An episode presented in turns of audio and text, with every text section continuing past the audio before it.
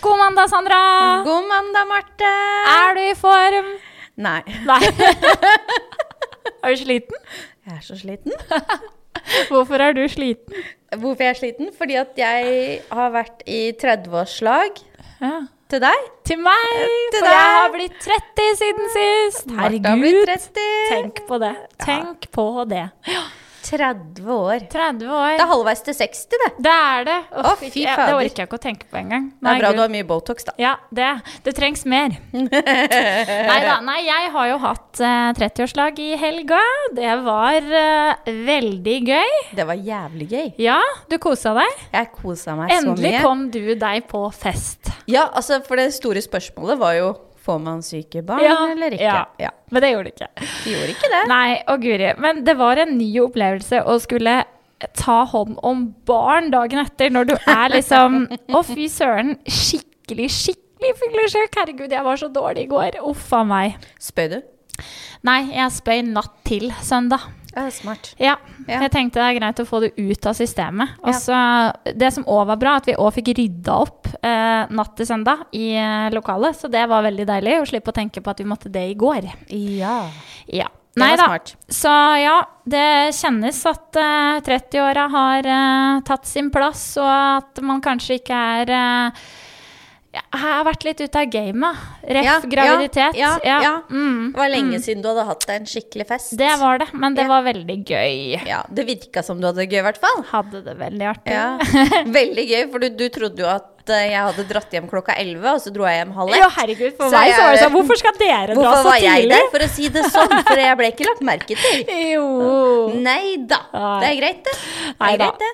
Ja, Ja, vi kosa oss, vi.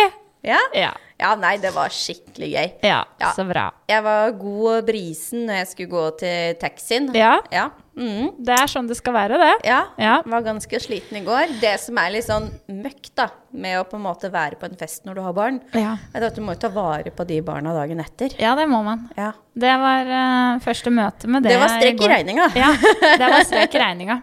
Aron Men- bare 'Mamma, kan vi gå på tur?' Jeg bare 'Jeg skal ikke se på Netflix og spise potetgull. Ja, OK! Det var greit. Ja, det var greit. Ja, så bra. Ja. Nei da. Nei, så det, det er vel eh, Ja. Er ikke det oppsummeringa? Den er fin, den. Ja, nei, nå syns jeg du er litt beskjeden. Jaså? Ja. Eh, for jeg så at du fikk en ganske sånn nice gave av din kjære. Ja. Ja. Fikk du en Rolex, eller? Ja. Å, fy søren. Har han gjort noe gærent, eller? Nei, jeg, jeg tror ikke det. Har du, Vegard? Nei. Nei, jeg fikk en Rolex, herregud, ja. Det, men det skal sies at det, det er en 30-årsgave og en push present. Og da tenker jeg, hva er ditt forhold til fødegaver? Ja eller nei? Ja mm, Det er et godt spørsmål. Jeg har vel egentlig ikke fått noe fødegave av Morten. Nei, fy. Nå Når jeg, jeg kjefte på. Når jeg fødte Sofia, så sa han liksom Da fødte jeg henne, og så var hun ute, og så sa han liksom Sier de på føden sånn Ja, vi kan hente en madrass til deg, så kan du liksom sove her i natt. Og han bare Nei, jeg lurer på om jeg skal kjøre hjem og ta meg en dusj. Jeg bare OK, Ja. fuck deg. Ja. Nei, men er du, er du for eller Ja. imot fødegave? Nei, jeg syns det er en veldig fin ting å gjøre. Jeg syns man fortjener det etter å ha gått gravid i ni måneder og produserer da barn og Ja, da, da syns jeg man skal få en liten oppmerksomhet. Jeg sier ikke at, du, at man skal få en Rolex, men i hvert fall en rosebukett, da. Ja, jeg er helt enig. Jeg syns det. Der syns jeg faktisk at de kanskje få gutta som hører på oss nå, Ja. Lytt og ja. lær. Ja. Ja. Lytt og lær. Ja. Nei, nei. Fødegave, det er noe. Ja, du skulle sett meg når jeg bakka opp den gaven. Herre, hoppa rundt som en unge på fireårsdagen, vet du. Helt i ekstase. Glemte tvillingen og Ja, ja, da var det ingenting annet enn den klokka som sto i hodet på meg akkurat da. Det er helt riktig, det, så, så ærlig skal jeg være å si. Ja. Neida, Nei, veldig fornøyd med den, altså. Ja, det skjønner jeg. Den var kjempefin. Ja. Altså, vi går all the way da, for å vise at her er Gjøvik.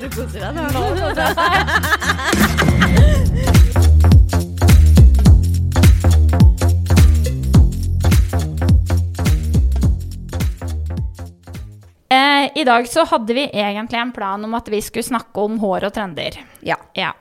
Men eh, siden vi begge er i mammaperm, så sitter vi mye på Instagram. Og så kom du egentlig over en sak i dag som eh, vi fant ut at den her må vi bare kaste oss på. ja. Ja. Kan du ikke fortelle litt om det? Jo. Eh, det jeg kan starte med, da, var jo det at satt på Instagram, så et innlegg på Instagram fra en influenser som heter Benedikte Haugård. Og da må jeg jo legge til at Benedikte Haugård blir sponset av Henrik Seer Drammen. Men nå uttaler vi oss som privatpersoner. Ja, det er veldig viktig å understreke. Bare sånn at vi understreker det. Ja. Nei, så uh, Benedikte, utrolig nydelig dame, er gravid med barn nummer to. Hun er høygravid. Hun er i uke 41, mener jeg det sto. Ja. Eh, hun la ut et Instagram-innlegg om hvordan det faktisk er å være gravid i Norge i dag. Ja. Fordi jeg tror at veldig mange tenker at det er rosenrødt og ikke noe problem, og alt bare legges til rette for deg. Og det er jo ikke alltid sannheten. Nei. Noen ganger er det det. Mm. Noen ganger er det det. Men det er ikke alltid sånn. Nei. Nei. Og da var det vel Jeg føler at hun treffer veldig på kornet på det hun skriver da, i den, um, i den posten. At det blir liksom Vi kvinner, da, vi får beskjed om at uh, fød flere barn. Vi trenger flere barn eller statsborgere, eller hva man skal Ja, kalle altså det. Erna Solberg vil jo at vi skal føde flere barn. Ja. Fordi Norge trenger Men flere mennesker. Ja, Ja. men likevel så kuttes det ned på fødestuer, fødeavdelinger, personale, leger, jordmødre. Alt kuttes. Alt kuttes jo, og Ja. nå, det siste nå var jo det at ABC-klinikken på Ullevål Ja. Jeg har født på Ullevål, ikke på ABC-klinikken. Jeg er ikke så tøff. Nei. Men all ære til de som vil det. Ja. All ære. Men jeg har født på Ullevål, og det var kjempebra, så det er ikke noe å si på det. Men ABC-klinikken legges ned Mm, etter 25 år. etter 25 år. Mm. 25 år Men, har det vært et fødetilbud. ja, men det var litt snakk om at den skulle bli gjort privat, sånn at det skulle koste deg sånn rundt 18 000 å føde hvis du ønska det, men nå er det sagt at den skal legges helt ned. Slik jeg har forstått det, så er det det. Ja. Og jeg tenker, betale 18 Hvem er det som betaler 18 000 for å føde? Altså, Nei, sånn, det, du, du skal jo ikke måtte det i, Norge, i, verdens, i et av verdens rikeste land, da. nei, Nei. det tenker jeg det er litt mer sånn som man gjør i USA. Ja, det er nettopp det jeg mener. Ja. Så nei, den, akkurat den er jo det det er. Men eh, ref det innlegget til Benedicte, da, så er det og hva som har lagt, blitt lagt ut på Story, som bare grep meg helt Altså, jeg syns det er helt grusomt. Det var da en venninne av henne som gikk, eller har gått gravid. Eh, gikk hun til uke Hun gikk på overtid, gikk sånn på jeg forsto det. ja, Ja.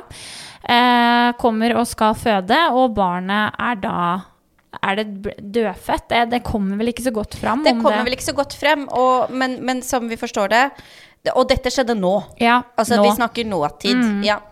Eh, og dem eh, som hun skriver, at de planla en fødsel, og nå planlegger de en begravelse fordi babyen døde i magen.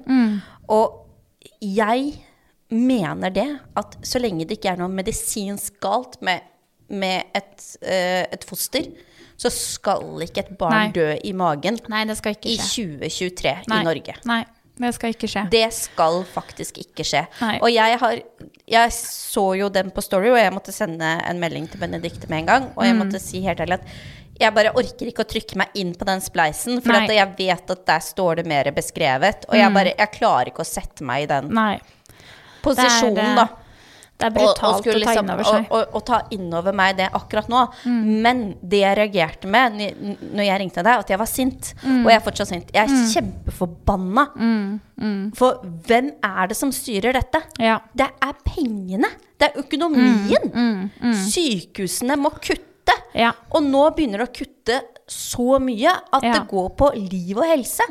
Hadde jeg vært gravid nå, Nå noe jeg ikke er, uh, og lest det der ja. Jeg hadde blitt livredd. Jeg hadde blitt livredd. Ja. ja. Og jeg, uh, når jeg flytta til Gjøvik, så var jeg jo gravid. Mm.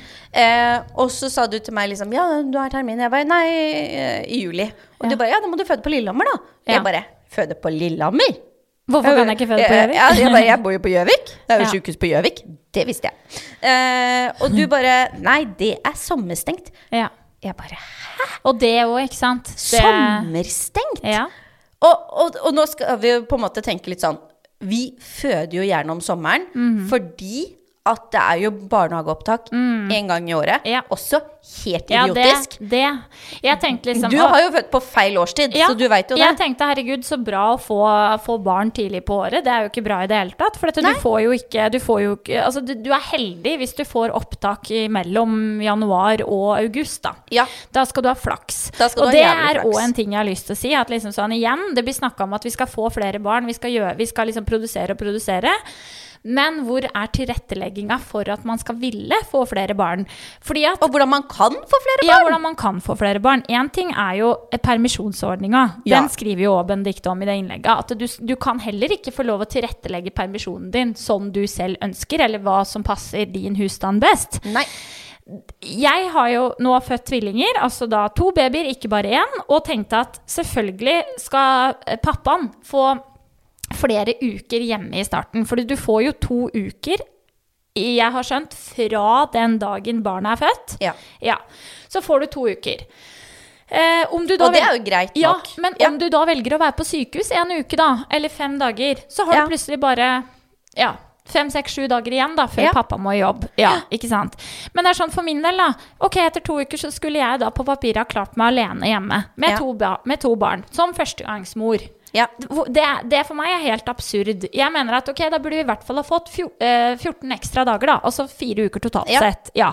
Det syns jeg òg kanskje at man heller kunne sagt sånn at vet du hva, da ønsker far å ta to, fire, seks, åtte, hva enn, hvor mange uker du ønsker, fra sin permisjon og bruke det sammen med mor, så at mor og far kan være hjemme med barn samtidig. Det får du ikke lov til. Da må den ene faktisk sykmelde seg, og den andre må ha permisjon. Og det er så høl i huet. Ja, Og er det rart vi ikke vil ha flere barn, ja det tenker jeg også. Det er jo ingenting som Det legges til rette.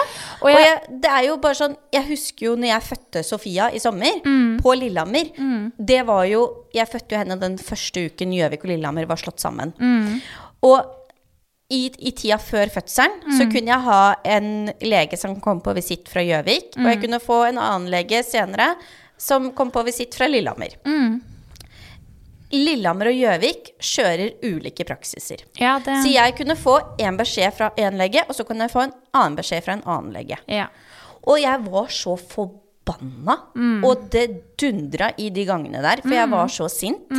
For at jeg hadde ingenting å holde meg til, og jeg fikk forskjellige beskjeder. Og det var ubehagelig å komme inn i, i kontrollrommet der, fordi at det, eh, Eller hva skal jeg si det, Undersøkelsesrommet heter det vel. Ja. Når jeg kom inn der, så hadde jeg en lege fra Gjøvik, og hun var litt sånn ja, jeg må bare se hvor de har ting, for jeg er litt usikker på hvor de altså, Ja, jeg skal bare ringe, fordi at det her på Lillehammer så gjør de sånn og sånn. Altså, jeg ble litt sånn Har du ikke noen egne meninger, eller? Har du ikke peiling på ting? Nei. Og hun var jo dritflink, så hun hadde jo peiling. Det var jo bare det at det, det er ulike praksiser, og de har liksom ingenting som er samkjørt. Nei. Så sa jeg til vakthavende jordmor, så sa jeg det at vet du hva, i min jobb så er det ekstremt viktig med kommunikasjon. Kommunikasjon er alfa og omega. Du kan være så god, flink og alt mulig når det kommer til frisørfaget, men hvis du ikke er god på kommunikasjon, så kommer du ingen vei. Nei. Og jeg sa til henne at her kan dere ikke kommunisere. Nei. Dere har ikke god kommunikasjon her. sånn. Nei.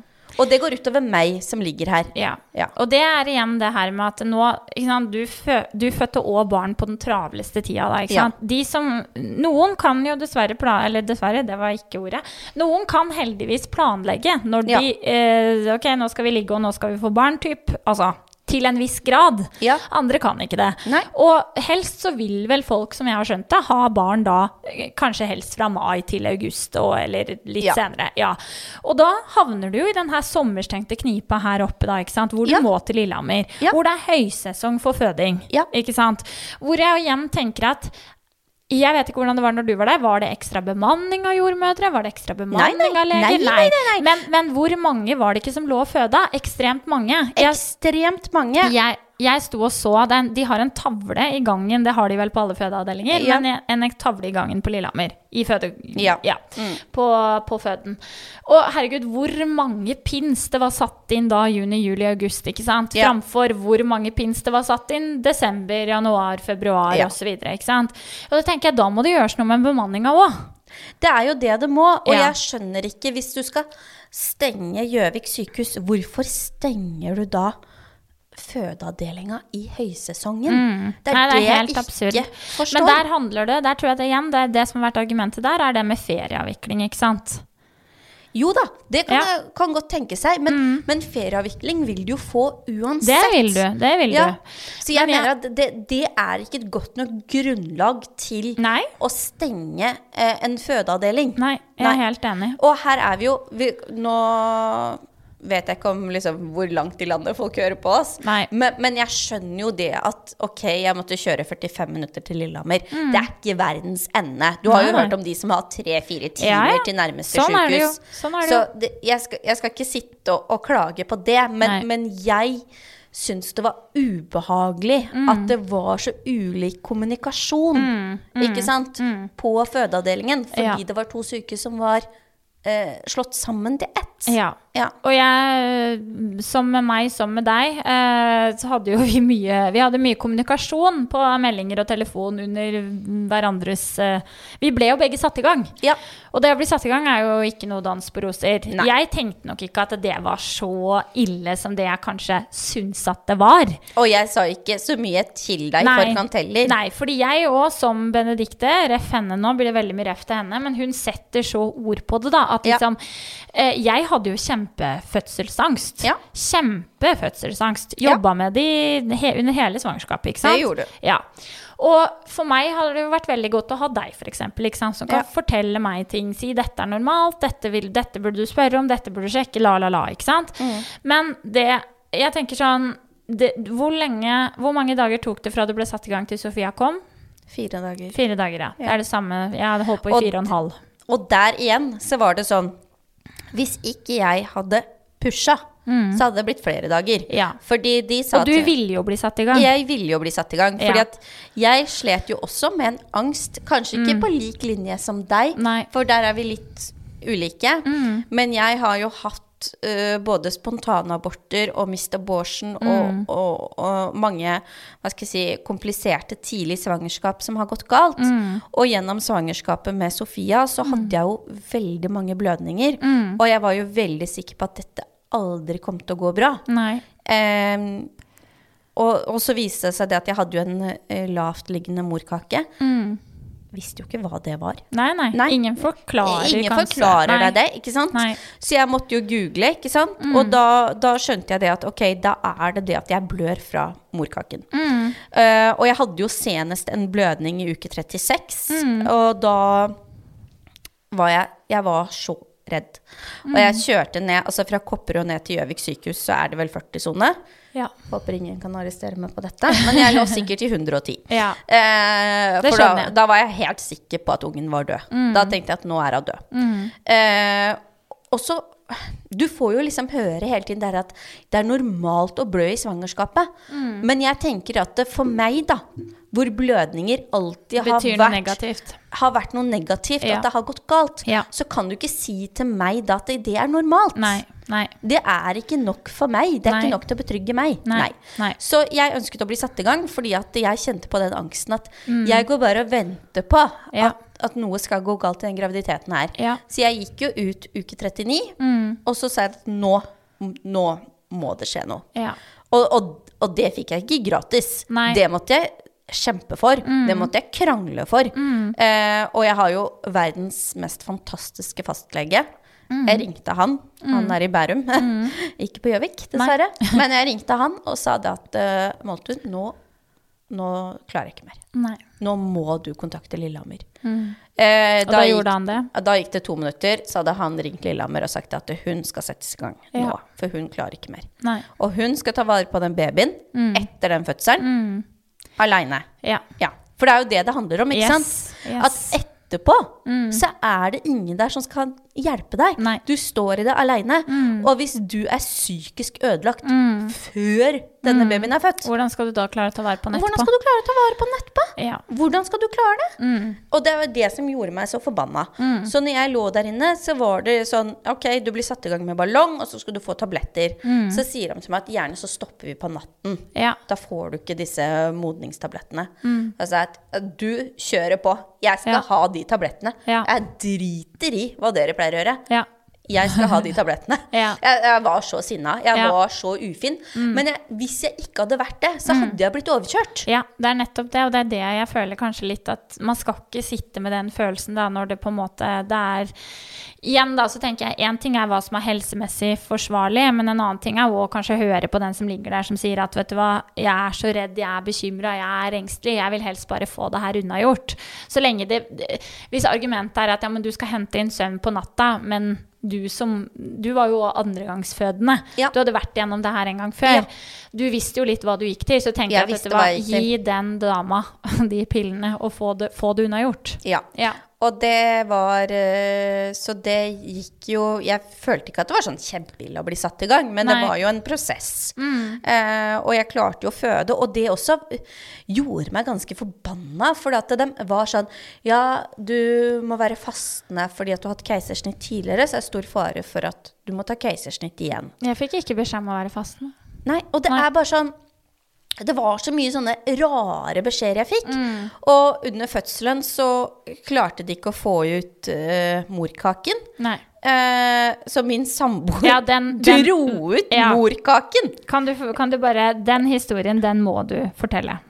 Uh, fordi at jeg har jo da, som sagt, jeg har hatt da en lavtliggende morkake gjennom hele svangerskapet, Ja. vært livredd for denne morkaka. Ja. Og når jeg da føder denne ungen, så er det sånn Ja, ok, ungen er ute. Mm. Ja. Men de får ikke ut morkaken. Nei. Eh, og så sier de at de er redd for å dra, for de er redd for at da den navlesnoren skal eh, Mm. Løsne fra morkaka. Ja. Og da må du jo inn og ha et inngrep, ikke sant? Ja. Og jeg tenkte fy faen, hvis det ender opp med at jeg kuttes opp uansett. Ja. tenkte jeg faen heller. Og så sier min samboer at ja, vil du at jeg skal prøve, da? Og de liksom ser litt opp på han og bare Er du sikker? Han bare ja ja, snekker, vet du. Jobben må bli gjort. Håndverker! Her skal det skje. Så han tar tak og Røsker ut morkaka di. ut. Merka jo ingenting, jeg. Um, og da begynte jeg å blø så mye. Ja. Og blødde og blødde og blødde. Og da kjente Og jeg kjente det jo. Og da begynte jo panikken komme hos meg. Eh, og så begynte jeg å blø så mye at jeg begynte å få kramper. ja. Så hele meg lå liksom bare sånn og ristet, og, og jeg ble helt eh, likblek. Og, og, og dem, eh, eh, min samboer sa at de trykka på en sånn knapp, og så plutselig så var det bare masse folk i rommet. Men det var litt sånn nei, dette, dette går bra. Det, Ja. det, de klarte å stoppe blødningen. Dette går Ja. fint. Ja. Eh, dagen etter fødselen så følte jeg meg ganske dårlig. ja. Veldig sånn Nesten litt sånn koronasymptomer. Symptomer. Ja. Og så sier de det at ok, du har fått en infeksjon i livmor. Ok, greit. Uh, så ble jeg satt på antibiotika. Jeg ligger på firemannsrom på ja. Lillehammer. Det er sånn som jeg tenker Hvorfor det? Hva faen? Ja. Og, og nå kan vi si det at med min førstefødte, født på Ullevål, uh, keisersnitt, Mm. Toppform dagen etter, sto og sminka meg, sendte over til Ullevål hotell, Mm. til barselhotellet. Altså, det var jo heaven, ikke sant? Og nå lå jeg på firemannsrom og måtte få antibiotika. Blodoverføring. og det endte opp med blodoverføring. Ja, ja. Og så kommer hun ene Fordi jord- du mista så mye blod, ikke fordi jeg sant? mista så Ja. mye blod. Så kommer hun ene jordmora inn, og så ser hun på oss. For vi lå jo da på firemannsrom. Ja. Og vi fikk alle antibiotika, for vi har alle hadde infeksjon i livmoren. Ja. Og så titter jeg rundt, og så var hun litt sånn Ja, men herregud, da skulle ikke dere bare føde barna? Så tenkte Men- men jeg, så- vet du hva? Du burde gå, for jeg kommer til å drepe deg. Ja. Back off. Back off, Men, altså! men jeg tenker òg Det her er en ting jeg Det her er bare mine egne tanker rundt akkurat det du sier nå. At du lå på et firemannsrom, alle får antibiotika, alle har fått en infeksjon i livmoren. Ja.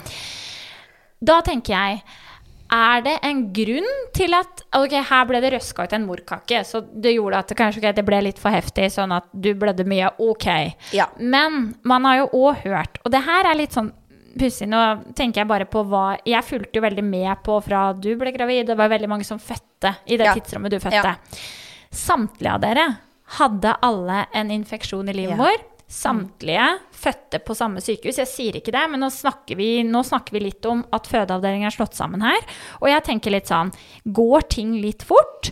Er det gjort litt Er det vært litt unøye med renholdet når man skal drive Har det vært dårlige rutiner? Ja, det er det jeg begynner Ja. å tenke på. Fordi Det tankene har slått meg. nå refer refererer jeg bare til at det kuttes bemanning, det kuttes uh, avdelinger, ikke sant? Og så på en måte blir to avdelinger slått sammen. Høysesong for føding.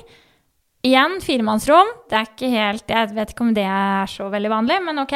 Men jeg tenker bare, ok, har det noe med da renhold eller rutiner å gjøre? At Ja. alle dere hadde det samme? Det er nettopp det. Og, og det er liksom en sånn tanke jeg har hatt Mm. i etterkant. At det der Jeg får det ikke til å stemme. Nei. Det nei. er, det er så Det er litt for tilfeldig, da. Ja. Ikke sant? Ja. ja. Og, og det som òg sies, da Nå har du hatt én fødsel, ett keisersnitt.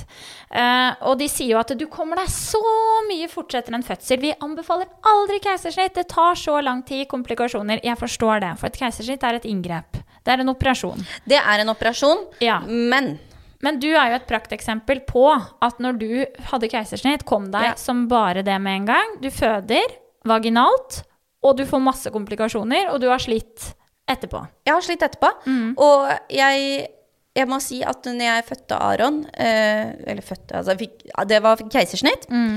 Eh, det var på kvelden. Dagen etter var jeg da som sagt i toppform. Mm. Altså sto og sminka meg, og alt var Altså, jeg var helt fin. Mm. Hadde ikke noe vondt. Arret ser kjempebra ut i dag. Mm. Fødsel har så vondt, og jeg har fortsatt vondt. Ja, og Sofie er åtte måneder. Ja, hun, hun er åtte måneder. Ja. Jeg har fortsatt smerter når jeg sitter lenge. Ja. Og, og da tenker jeg sånn, da er det noe som ikke helt stemmer. Ja. Ja. Så det at man på en måte skal pushe på det her med at det å føde vaginalt er bedre enn å ta keisersnitt Ja, kanskje i noen tilfeller, men man skal ikke uglese det her med keisersnitt. Nei. Og jeg skjønner jo det, at et keisersnitt det koster sykehuset mer si enn en fødsel. Ja, ja. Og da kommer vi litt tilbake til moralen i den uh, episoden her. Mm. Det at skal penger styre hvordan det her skal gå? Ja. For jeg begynner å se at nå er det liv som begynner å gå tapt. Mm. Hvor langt skal det gå? Nå er det ikke lenge siden jeg så en sak også borte på um, ja, Jeg trenger kanskje ikke å se hvilket sykehus det var. Men hvor det var en kvinne som døde under fødsel. Mm. Som klaget over under fødselen at hun hadde smerter i lungene. Mm. Og hun får beskjed av Ja, men du, fødsel er smertefullt. Så sånn er det bare. Ja. Og dama døde. Mm. For lungen kollapset. ja. Ja. Og det Nei, altså- skal faktisk ikke skje Nei, i Norge nei, i dag. Nei, de sier Det at vi er føder, noe feil. De sier at vi føder barn i verdens tryggeste, beste land, og vi har et av verdens beste helse, helsevesen. Og det er 100% Nå skal det ikke Det skal ikke stikkes under stol at det har vi helt sikkert. Men det her igjen er snakk om på en måte eh, den her kuttinga, da, og det her eh, Kanskje det stresset og alt det på en måte man, man står Altså som jordmødre, leger og alt det her står under, da. I Ja. Ja. Det er jo ikke, det er jo ikke innafor. Nei, og, og så klart så unner jeg jordmødre, leger, sykepleiere Jeg unner dere alt av verden. Altså, hadde jeg styrt dere skulle fått så høye lønninger som Ja, bare det. ja. Dere fortjener så mye. Og jeg skjønner ofte at det er ikke de som står og jobber, som har skylda. Nei. Det er jo Det mennene i dress Yes. som sitter øverst på rangstigen og deler ut disse pengene. Men jeg mener det at det, på fødeavdelingen eller på gravide, det er ikke der vi skal spare penga. Nei, nei. Det er ikke der vi skal spare penga, altså. Nei. Sorry. Men det er jo det som skjer, da. ikke sant? Og det er, jo, det er jo ikke greit i det hele tatt. Og nå ser man jo, ikke sant, i forhold til den episoden vi spiller inn nå, ikke sant, at det som skjedde med da venninnen til hun Benedicte, da, at sønnen faktisk dør i magen, hvor vi to kanskje var sånn Ok, har det, er det snakk om en morkakesvikt, da? Er det snakk Ja. om at, at måte Har ikke dette blitt oppdaget, Nei, ikke sant? Ikke sant? Og, da, og da, da kan jo jeg kanskje nå dra en parallell til min eh, opplevelse med det å gå gravid, da. Ja. At eh, nå Kanskje min flaks er vel det at eh, jeg For det første kjempe overlykkelig over å ha fått tvillinger. Og veldig glad for at når du får tvillinger, så får du ekstremt mye mer oppfølging under svangerskapet ditt. Men du fikk vel også hele tiden beskjed om det at du har et risikosvangerskap? Ja, Og det, det var psykisk tungt å Ja. høre hele tiden. Men Ja. det fikk jeg ikke høre fra min fastlege. Nei. Det fikk jeg høre av jordmødre på føden på Gjøvik, hvor jeg hadde alle mine kontroller. At det er risikosvangerskap. Dette er jo et Ja. Mm. risikosvangerskap. Du må skjønne at sånn og sånn fordi dette er et risikosvangerskap. Og det gjør noe med deg. Det gjør noe med deg. Så da går jeg, da. I, jeg går i ni måneder og er livredd for at det skal skje noe med mine barn i magen. Ja. Ja. Eh, sånn at det, for å ta litt min eh, opplevelse med det her, da, så vil jeg si at jeg For det første, du kan jo velge å gå til eh, Jeg tror du kan velge å gå til jordmor eller lege når du er gravid, eller gå til begge deler. Er det riktig? ja. Du Ja. kan vel på en måte legge det litt opp ettersom. Ja. Ja. Jeg valgte ganske kjapt, fordi jeg har en helt fantastisk fastlege som jobber på Kapp legesenter. Helt, helt fantastisk. Vi har jævlig gode fastleger, du og jeg. Ja, vi har det. Ja. Og jeg valgte å gå til henne under hele svangerskapet mitt, for at jeg følte at det var ekstra trygt å komme til en lege, og en lege som kjenner meg og min syke, og vet mine uh, redsler og min angst rundt det her med å i det hele tatt gå gravid. Ja. Så syns jeg det var veldig trygt å komme til henne. Da hadde jeg time hos henne hver fjerde uke. Jeg hadde òg ultralyder fra eh, Jeg hadde én i uke tolv. Eh, nå skal det sies at jeg var på, to, nei, jeg var på tre private ultralyder før jeg fikk innkalling til uke, uke 13 på sykehuset. Men, men da må jeg bare spørre, gjorde du det på en måte fordi du var nysgjerrig på om det var to babyer? Gjorde du det fordi du var nysgjerrig på ø, kjønn, eller Eh, helt ærlig, så det første jeg ville Altså, ok, man finner ut at man er gravid, ok. Og så er det sånn, ja, så skal du jo sjekke opp Så vil jeg liksom sjekke det her, da. I, så tidlig som mulig. Er det, er det liv i leiren, liksom? Er, det, er det noe liv i magen her? Ja. Eh, så da var det jo uke syv. Kommer inn eh, til en fantastisk privat en på Mo... Er det Moelv? vi var? Ja, Du var jo ja, samme. Jeg var ja. jo samme. Ja. Veldig flink. Og da var det jo mer sånn Finn ut om det var liv, hjerteslag osv. Og, så og da ser hun jo først liksom én, og vi fokuserer på den, og bare Ja, her er det bra. Og så hun bare Vent litt, sier hun. Og så bare Her er det jo en til! og jeg husker at jeg Hva tenkte du da? Nei, jeg, nei, jeg tenkte bare Å, fy faen. Unnskyld banning, men det var det første jeg tenkte. Jeg husker at jeg da tenkte det, og så begynner jeg å hylgrine, og det var av glede, Ja. men og frykt over Ja. at OK, to babyer, ja. Ja, Ja. den er grei. Ja. Ikke nok med at det skulle bli Nei, men det, det var liksom Det var mye sjokk. Ja. Samboeren min husker jeg omtrent vrengte seg rundt og dro skjermen og bare Herregud, det er to! Altså, det var jo det var lykke, for jeg har sagt sånn Det blir med én, det blir med ett barn. Ja. Um, han, var i, han var i ekstase. Og jeg var også der, og jeg husker at hun var så flott. For hun ba ok, nå stopper vi opp litt. Og så spurte hun meg gråter du nå for at du er glad, gråter du for at jeg er redd, gråter du for Jeg bare Jeg er kjempeglad, men jeg bare Hvordan skal jeg håndtere to? Ja. Men det gikk bra. Og var akkurat der er hun så god. god. Ja. Hun er så god på akkurat det der at Og, og tenk deg det, det Det ville aldri skjedd i det offentlige. At eh, en jordmor stopper og sier Vet du hva, nå skal du få to minutter til å bare slappe av og bare la dette synke inn før vi fortsetter. Det hadde vært litt sånn Ja, i, over til neste. Ja. Nei, og så det, dette var i uke syv. Og så jeg, jo, jeg var fast bestemt på at vi skulle ta det som heter en NIP-test på Hva er en NIP-test? Det har ikke jeg tatt før. Nei, det er nytt i Norge. Det ble lov for eh, et par år siden. Kor korriger meg, de som hører på hvis jeg tar feil, men sånn jeg har forstått det, for et par år siden. Det er rett og slett eh, en, en, en Du tar en blodprøve hvor barnets barna, eller barnets eh, DNA isoleres ut fra ditt blod. Så man sjekker da for eh, alle mulige mm, eh, avvik, ikke sant? Okay. Eh, det kan være kromosomavvik, det kan være sykdommer, ikke sant? osv. osv. osv. Dette må betales for. Og for meg så var det bare viktig å vite hva er det som er i magen her. Er det friskt? Ikke sant? Det vil jeg understreke. Og det, derfor så var jeg veldig bestemt på at jeg skulle ta NIPT-test på disse to barna. Eh, det er jo mange klinikker nå i Norge, private klinikker, som, som gjør det her. Ja. Det, du får ikke vite noe kjønn, for dette, det er jo ikke Det er jo fordi at mange, eller noen, jeg har skjønt det, at de gir ikke ut kjønn i Norge fordi at noen velger da kanskje å fjerne hvis det skulle være feil kjønn. Ikke sant? Hæ? Ja. Det har, det vært, det har vært skriverier om det her, så det er kun Nei. det jeg har, har lest. Hva Men- er det med folk? Ja, Men jeg gjør da litt research på ok, hvem kan jeg komme til som er flink, som er god, som har en god eh, kompetanse på å se ting tidlig hos et foster. Ja. Jeg er på Google, jeg snakker med folk, og jeg får tips og googler meg fram til Martin Lundring på Kvinneklinikken på Jessheim. Jeg var sånn, ok, dit skal jeg i uke 12, for jeg skal vite, jeg, skal, jo, jeg, jeg er skrudd sammen sånn at jo mer informasjon jeg har, jo tryggere blir jeg. Ja. Ja.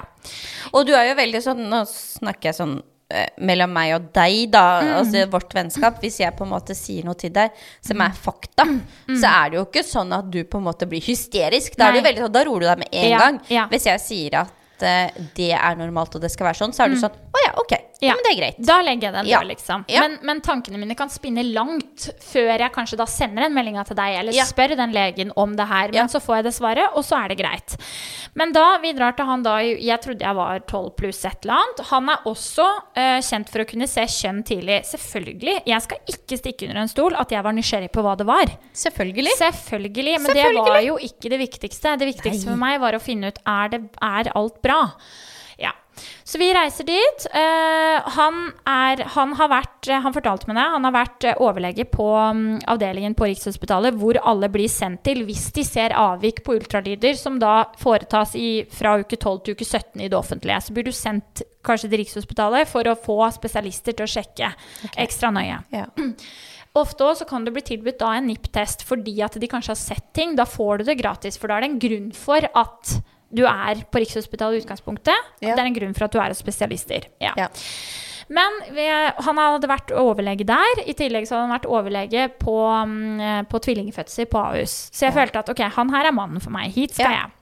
Samboeren min var helt enig. Det var bare sånn veldig greit. Altså det er, hvis jeg noen gang skal si at det er vel brukte penger, da, så er det vel brukte penger å reise på en sånn tidlig ultralyd for å sjekke ting. Helt enig. Ja. Helt så vi enig. reiser til han, og han Altså, jeg kommer inn der, møter Han er vel tysker. Eh, har litt sånn aksent. Han er kjempemorsom. Han driver og drar Altså, han spøker og holder på mens han undersøker, da, for han skjønte nok på meg at jeg var veldig stressa. Jeg lå omtrent og hoppa i den stolen da i uke tolv. Eh, sjekker, han forteller han, Mens han har da en storskjerm, jeg tror den Ja, den var vel sikkert 80 tommer eller noe sånt, og den skjermen som er rett foran oss, så du ser alt virkelig blåst opp. Så du kunne virkelig se hva som var der. Ok, der er det en fot, ja, der er det en, der er det en arm. Altså sånn, det var veldig interessant. Og han forklarte veldig nøye ikke sant, dette med hva de ser etter, ikke sant, hvis det skulle vært noe galt med fosteret. Ja. Og fortalte og fortalte og utbroderte, og innimellom kom de som fleiper og sånn, så jeg klarte liksom å roe meg ned, og det var veldig deilig. Han jeg- visste på en måte hvordan han skulle håndtere deg. han gjorde det. Ja. han gjorde det.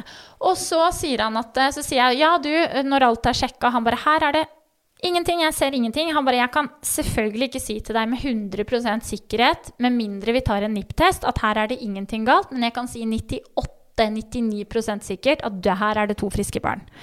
Og for meg å høre det, det var en ekstrem trygghet. Ja. ja. Eh, Så sier det, så sier jeg ok, tenker du da at det ikke er noe poeng for meg å ta den her NIPP-testen? Han bare det er ikke noe poeng for deg å ta den, du er ung, du er frisk. Her, har vi, her ser jeg to, vil, veldig tydelig to fostre hvor begge er, etter hva jeg ser, helt perfekte. Ja. Her er det ingen grunn til å bruke 10 000 kroner på å ta den her. NIPP-testen. Og da slo jeg fra meg det. Da var det det ja. greit. ja. Og så sier jeg sånn OK. Og så sier han sånn Er dere nysgjerrig på kjønn? Jeg bare Jeg skal ikke stikke under en stol at jeg er det. Og han bare OK. Da skal jeg titte litt. Og så ser, han på tvilling nummer én. Han bare mm, Litt sånn frem og tilbake. Han bare Jeg kan ikke si deg 100% sikkert nå hva det er, men jeg kan si sånn 80. Og så sier han hvis du kommer tilbake i uke 15-16, da kan jeg bekrefte det 100% ja. Jeg var jo nysgjerrig. Jeg var Ja, ja, selvfølgelig. Ja. For jeg visste at det blir med de to barna her. Ja. Ja. Så for Eh, deg så var det jo litt mer sånn Dette, det er dette, Ja. og ikke noe mer. Yes, helt Ja. riktig. Er Ja. det to gutter, så er det To gutter. gutter. Er det to jenter, så er det to jenter. Ja. Er det en av hver, så er det en av hver. Ja. Ehm, men jeg var sånn, jeg liker å forberede meg på ting. Jeg Ja. liker å vite hva er det jeg skal forberede Ja. meg på. Ja. Så han sier sånn nummer én, han bare Nei, her er det her er en liten frøken. Og jeg bare En jente! Herregud! Ikke sant? Ja, ja. Kjempe i lykkerus for det. Ja. Og da var jeg sånn Jeg ønska meg veldig én jente. Om det var én av hver, eller altså samme hva det hadde vært, virkelig. Men hvis du skal få ha en ønsketenkning, så var jeg veldig på én av hver. Hadde vært helt perfekt. Ja. Ja. Så han sier jente, og da var jeg sånn OK, herregud, så gøy. Og så begynner han på nummer to, og han bare mm, ja, mm, og driver lenge, ikke sant, att og fram med den der ultralydplomba, og så han bare Det er litt vanskelig å si, men jeg, jeg setter gutt, men jeg er veldig i tvil. Og jeg var sånn «Ah, Kan du ikke finne ut hva det er? Jeg er så nysgjerrig, Yeah, ikke sant? Yeah. Ja. Eh, nei. Men da, da var vi sånn OK, da, har vi da er det én jente og én gutt. Greit. Det var liksom det siste på agendaen. Det var det minst viktige. Men Ja. det var fint for meg. Og bare, ok, Da har vi fått bekrefta Ja. alt vi var redd for. Det var veldig bra. Um, og så bestemt kom jeg på den ultralyden på offentlig, altså på Gjøvik her, i uke 13. Og det som overraska meg, var kanskje bare Det var uken etter. det var uka etter, faktisk. Ja, Ja, Uh, og da var det, det hun, hun som etter meg da sa at å ja, du har vært på en ultralyd i uke 12. Ja, men da trenger vi jo ikke å sjekke så nøye, for da vet du jo. Og jeg er sånn Hæ? Det reagerte jeg på at ble Ja, sagt. det er ikke greit. Nei, da tenkte jeg sånn, ja, men herregud, jeg vil jo at du òg, som en ny fagperson, da skal sjekke like nøye som den forrige som har sjekka her. Ja, og så tenker jeg sånn til Altså, de må jo på en måte lage en journal Ja, på deg. Ja. Og så må de jo legge notat, Ja. så at de kan ha noe Ja. å sammenligne med neste gang du Yes, kommer. yes. Vekstavvik, Ja, og, men, og så det, lignende og men, det, lignende. men da var det vel kanskje litt sånn at du tenkte at du kunne droppe litt sånne ting som å forklare hva det ene og det andre var. Kunne da. ta en tidlig lunsj, hun da. Ja, kanskje. Jeg vet Neida. ikke. Men, men da, da sa samboeren min ganske tydelig fra at vet du hva, nei, ta, bruk den tida du har, og sjekk, sjekk alt. Du gjerne bare at du går gjennom alt en gang til, liksom. For det gjør Marte rolig. Ja, og hun bare ja, ja, ok, men hun skal gjøre det. Da var det helt greit, liksom. Eh, men det som overraska meg, var bare hvor lite tydelig jeg så ting Ja. på den skjermen på sykehuset kontra Du det, ser jo ingenting. Nei, jeg var sånn Er det der en fot? Er det en arm? Hvor er hodet? Hun bare Der er hodet. Jeg bare Hæ, er det et hode? Altså sånn. Er det en baby, liksom? Ja, det var helt umulig Kunne vært en lama. Ja, kunne vært en lama, ja. ja. Nei, nei da, så, så det var noe greit. Og da fikk jeg beskjed om at da var neste ultralyd nå, den var da i uke 17. For da var det fire uker. Ja. ja. Da hadde jeg neste i uke, uke 17, og da er jo den som Er det den du får vite kjønn på, eller er det litt Nei, det er uke 21-22 her på Ja, de den har jo. Nå var jo ikke jeg i Norge i den delen av graviditeten min med Sofia. Men, men med Aron så var det uke 21 jeg fikk vi- vite skjønn på sykehus. Ja, ja. Men da hadde jeg selvfølgelig gått privat før det. Jeg vet Ja. det. Ja, ja, ja, ja, ja. Nei, så da, og da var jeg litt sånn åh, ok. Og så kjente jeg at mellom uke 13 og uke 16, hvor jeg bestilte en ny time hos han Martin, så fikk jeg mye uro i kroppen. Jeg hadde, jeg hadde dessverre også sett at det var noen som mista tvillingene sine tidlig i svangerskapet. Ja. Det stressa meg. Det var veldig veldig mye som stressa meg. Og jeg var sånn, vet du hva, jeg betaler gladelig en gang til jeg, for å komme til han, for at han bare skal for jeg hadde følt at jeg hadde kjent så lite, og det var liksom sånn Ja, det var mye ubehagelig, og jeg var sånn Men det, det er bare det at du er nervøs. Ja. Du er bekymret. Og Ja. så blir man jo så påvirket av alt det man ser i sosiale medier når man er Ja. gravid, Ja. og kanskje ikke gravid også. Ja. men, Men, mm. du blir i hvert fall ekstra sår når du er gravid. Så jeg bestiller en ny time hos han, og han går gjennom vel så nøye, hvis ikke Nei, ikke enda nøyere, for han var kjempenøye første gangen. Vel så nøye gang nummer to. Og bare ingenting, alt er bra, men jeg skjønner uroen du går og kjenner på. Jeg skjønner at det du så der, trigga deg. Jeg skjønner, skjønner, skjønner. Ikke sant? Ja. Det var veldig fint for meg. Så da var jeg, sånn, da var jeg veldig rolig. Kom på denne uke 17 på sykehuset. Ok, jeg var roligere. Denne uke 21, jeg var rolig. Men det som stressa meg litt da, var at jeg vil òg si at alle svangerskap er forskjellige.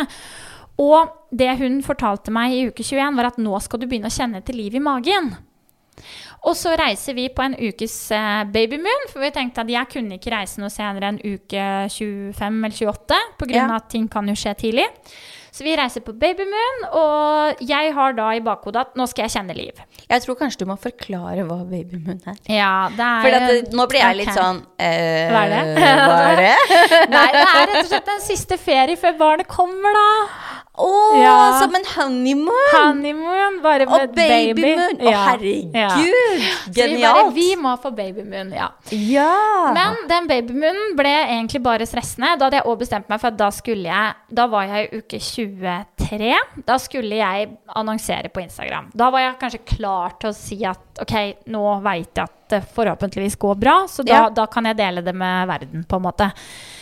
Og det gjorde jeg, og etter at jeg gjorde det, så fikk jeg en sånn ekstrem angst i meg, for Ja. jeg begynte å kjenne på Ja. at ja, du, Jeg sendte yeah. deg masse meldinger. Fordi at jeg bare Jeg kjenner jo ikke liv, jeg. Jeg kjenner nesten ikke liv i magen. Og hun sa at jeg skulle kjenne liv nå. Jeg burde ha kjent liv nå. Jeg var kjempestressa hver dag på den ferien. Jeg klarte tidvis å kose meg, men jeg var veldig urolig. Ja. Fordi at det ble sagt. Og så ble det ikke sagt at ok, kanskje du, dine barn ligger litt sånn, eller de ligger sånn. Kanskje du ikke da merker så mye. Det ble ikke forklart så nøye.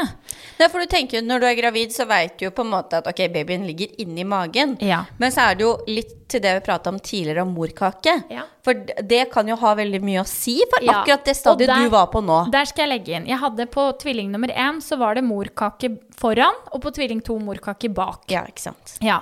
Og det vil si at jeg kjente nesten bare den ene.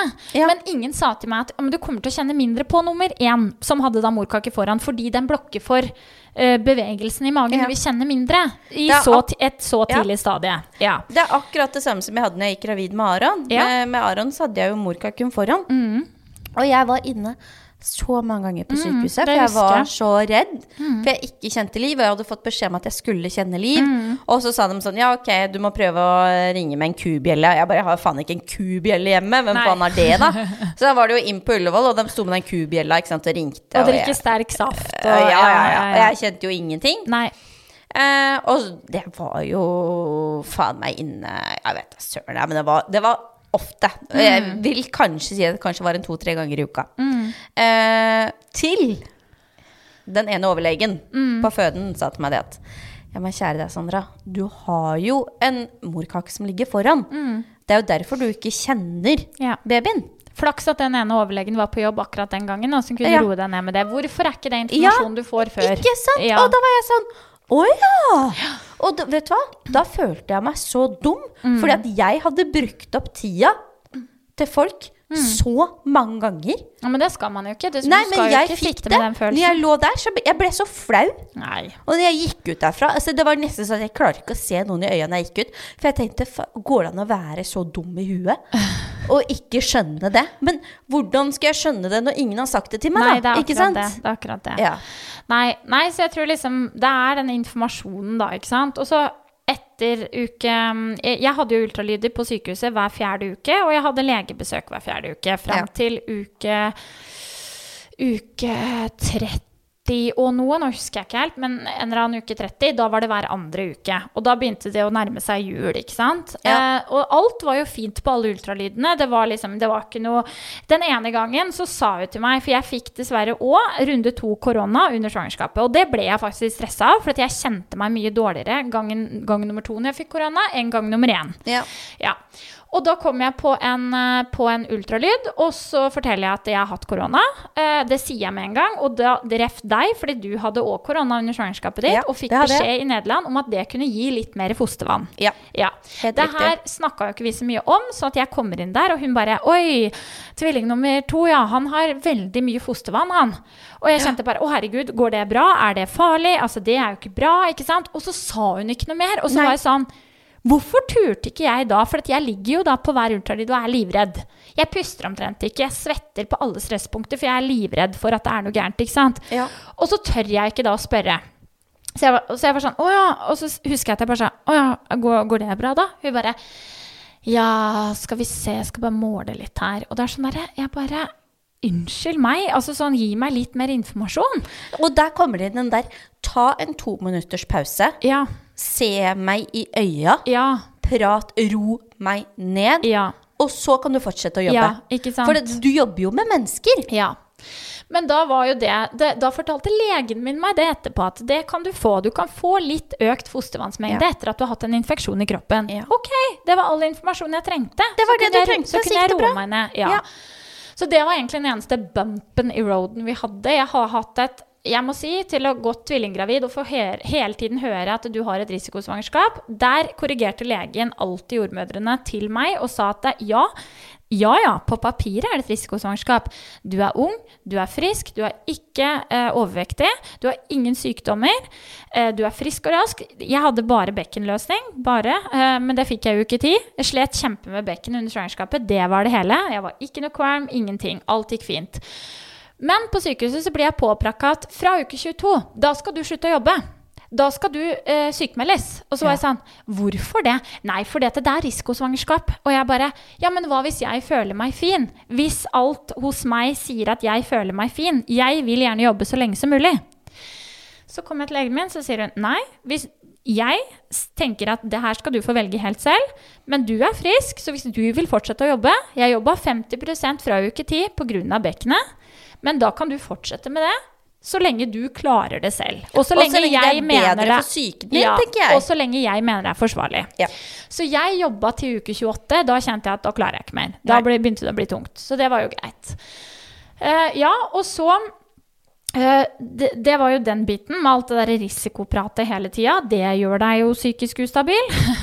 Eh, Men så kommer jeg da til uke 30, hvor jeg da har eh, hyppigere ultralyder. Og da fra uke 32-33 så skjedde alle de siste undersøkelsene på Lillehammer. Da er det jo sånn CTG-måling hvor de måler eh, fosteraktiviteten, Yes. hjerteslag osv. Og så er det en ultralyd. Um, og jeg husker at jeg hadde den siste før jul. Hadde jeg 17. desember. Da Nei, ikke 17. 15. eller et eller annet. 15. desember hadde jeg siste, siste før jul. Og da skulle jeg inn igjen om to uker, så da skulle jeg inn i romjula. Den 27.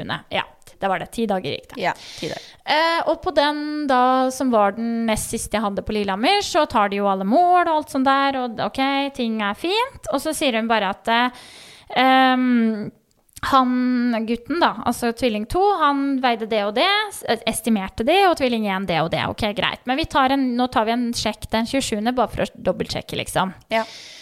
Eh, jeg kommer inn den 27., ehm, og da hadde jo de gjort mål, ikke sant, den, den 15., Ja. eh, for å sjekke da at, ja, alle Ja. ting. Og det, hun sa ikke noe spesielt om det, hun bare at alt ser greit ut. Greit, ja. Kommer inn 27., da var det eh, sikkert noe med at det er litt underbemanning i juletider Ja, òg, Ja? Så da møtte- i romjula, vet ja, du. Da møter jeg en gynekolog. Eh, men hun var kjempeflink. Hun var kjempeflink. Men, så hun gjør da først CTG-måling, det er greit, og så skal hun gjøre ultralyd. Men hun slet jo litt med det, fordi at ja. det begynte jo å bli trangt i magen, tvillingene hadde vridd seg litt, det var masse sånne småting som gjorde at hun slet litt med å ta de målene de tar av fosterne, da. Og så måler hun og holder på. Hun driver veldig lenge, og jeg blir veldig stressa, for hun snakker veldig lite mens hun holder på. Men så var det sånn, ok, greit, nå skal hun bare få lov å drive, tenkte jeg, for det her går sikkert bra. Og så måler hun tre ganger, for det gjør de alltid, de måler alle ting tre ganger. Og så sier hun bare at Um, det jeg ser nå, er at uh, morkaka på tvilling 2, den begynner å Mest sannsynlig så har den begynt å bli sliten. Fordi at han har ikke vokst mer enn uh, var det snakk om to, to eller tre millimeter siden forrige ultralydsjekk. Ja. Som da og det er jo egentlig ganske lite Det- sånn på slutten. ja, det er lite.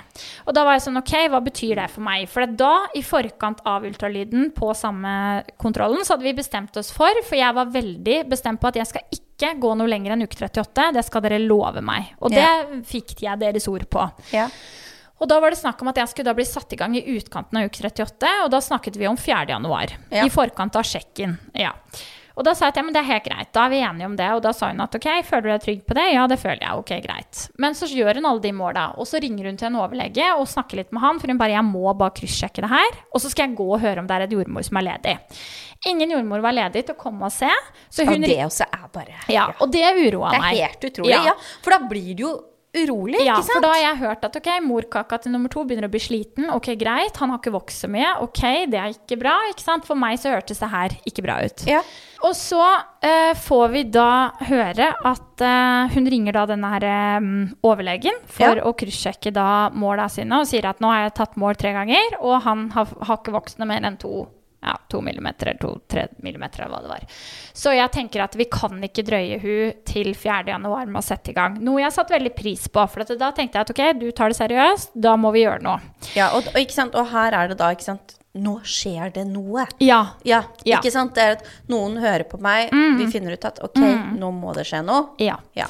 Og da mm, sier hun at jeg har ikke egentlig nå lyst til å undersøke deg vaginalt, for det kan jo hende at jeg kanskje da setter i gang noe med at jeg på en måte må undersøke den til. Ja. Eh, men så er hun litt sånn frem og tilbake. Hun bare Nei, forresten, jeg må gjøre det likevel. Jeg må bare sjekke om det, liksom, om det er modent oppi der, eller om det er klart, liksom.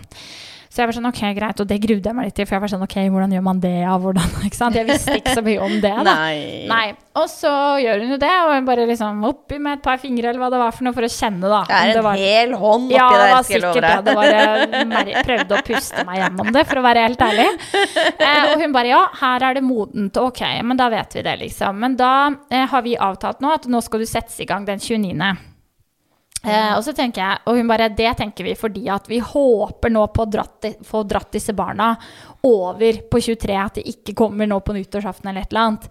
Men du skal settes i gang, og det er sjelden Det var kanskje det som gjorde det her verst for meg når det viste seg at det gikk fire dager. For hun sier det er veldig sjeldent at vi ser at det går fire dager. Og jeg bare ok, ja vel, greit. Men da, da går det ikke fire dager, da tenkte jeg. Da føder jeg fort, det blir bra. Du tenkte jo eh, dagen etter jeg har satt inn nå, sånn Ja. bare woohoo! Da kommer ungen ut, ikke Ja. sant? Og det skal også sies at jeg har brukt ni måneder i svangerskapet mitt, faktisk, eller i hvert fall åtte av de, på å modnes på tanken om at jeg skal føde de barna her vaginalt. For jeg var veldig innstilt på keisersnitt. Du var veldig innstilt på Ja. keisersnitt. Veldig. Ja. Men der skal òg faktisk Gjøvik sykehus ha litt ros, for jeg fikk snakke med en fantastisk jordmor som heter Mai Høgberget, som hadde flere samtaler med meg på tampen av svangerskapet mitt for å liksom betrygge meg, berolige meg i forhold til det her med fødsel og hvordan det gikk for seg osv. Og, så videre. og det syns jeg var veldig godt. At hun faktisk tok tak i det så godt som hun gjorde. Og Ja. satte opp flere samtaler hvor vi kom og snakka om det her. Og det gjorde meg veldig rolig, for all informasjon gjør meg rolig. Ja. Så det var fint. Ja, og så drar vi hjem igjen 27. og bare å herregud. Og bare ok, de er så små, ja. Jeg ned på CC, inn på barneavdelingen. For det du sa jo til meg. Ja. Ikke kjøp noe mindre enn 50. De kommer ikke til å være mindre enn det. Hva Men nå får jo jeg sånne gigabarn, da. Ja. Så, så til mitt eget forsvar her nå, Ja. ja. Så brukte jeg aldri de størrelsene du dro ned og kjøpte da. Nei. Jeg Har jo aldri brukt det. Jeg gikk rett på 56, jeg. Ja, ikke sant. Ja, og jeg hadde jo da bare alltid 50. Jeg hadde ikke kjøpt noe i 44 og tenkte at ok, greit, jeg får i hvert fall kjøpe et par bodyer, noen pysjer og noen sparkebukser da, i 44, fordi at jeg hadde jo ingenting. Nei. Tenkte at ja, ja, de eh, går sikkert i de 44 første uka, og så er det opp på 50. Det var litt sånn jeg tenkte. Ja. Men få fiksa det, og fødebagen var jo pakka og klar, den, så det var jo greit. Og så um, hele dagen den 28. husker jeg, så var jeg sånn, ok, jeg hadde bare noen få ærender jeg måtte fikse, for da visste jeg at jeg skulle inn. Jeg skulle møte opp på Lillehammer sykehus klokka ni på morgenen den 29. Det var greit. Og så hele 28. så kjenner jeg at åh, jævlig ubehagelig nedi der, liksom. Det er sånn Det er et eller annet press eller noe som liksom Dette er jo ikke kjent før, liksom. Så går det sånn hele dagen, men så bare trapper det seg opp på kvelden. Og vi var sånn Vi skulle ha siste kvelden alene, vi skulle ha god mat. Vi skulle liksom bare OK, siste kveld, bare vi to. Vi får ikke engang starta på å lage mat, for jeg bare 'Det gjør så vondt, hva er det her?' Og Vegard var sånn 'Ok, nå bør vi kanskje ringe føden'. Jeg bare 'Ja, kanskje vi bør det', liksom. Egentlig ganske rolig i øyeblikket. Og ringer og forklarer symptomene jeg har, og hun bare Ok, men da, vet du hva, det høres ut som at her driver det og skjer noe, så bare pakk med dere bagen og kom inn, eh, dra til Lillehammer, og så tenker vi at du skal uansett inn i morgen, så legger vi deg bare inn i kveld. Ja. Kommer inn, pakklasset med. Jeg har bilde av det, det er veldig morsomt. Vega med en rullestol med alt pakklasset vårt oppi. Jeg gikk jo, for at jeg tenkte jeg klarer jo helt fint å gå. Så ille er det ikke, liksom. Men ja, jeg kjente jo at noe drev og skjedde. Opp og få på CTG-måling, og da sier hun at ok, men du har faktisk rier med sånn ti minutters mellomrom. Jeg bare å gud, da skipet jeg å bli satt i gang. Dette er jo helt nydelig. Ja. Ja. Men det stoppa. Det stoppa. Ja, så da tenkte jeg ok, jeg håper gjennom natta nå at nå bare tar det seg opp, at det bare skjer av Ja. seg sjøl. Men nei. Nei. Så da, klokka tolv den 29., så blir det satt inn en ballong, og jeg får høre at mange som har hatt ballong, detter ut etter to og tre timer, og så er fødselen i gang. Så jeg bare ja, ja, ja. Og jeg her- sa du skulle dra litt i den, Ja, husker ja. du det? Å, jeg, dra i snora. Ja. Dra i snora. Dra i snora, for du får jo en slags ballong oppi der som du fyller med væske for å modne livmora.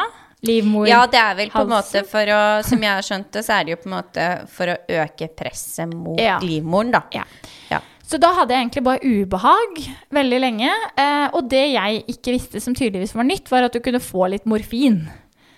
Ja, og det var helt nydelig. Fordi jeg var sånn Kan jeg få den pilla nå? Så hadde det vært helt supert, liksom. For det var bare sånn ubehagelig. Du og de der pillene dine, Ja, Marte. herregud, ja, men jeg Ja. bare, hvis jeg kan få noe som lindrer litt For det var ikke smerte, det var jævla uutholdelig ubehag Ja. i da La meg legge til 36 timer hadde jeg den ballongen.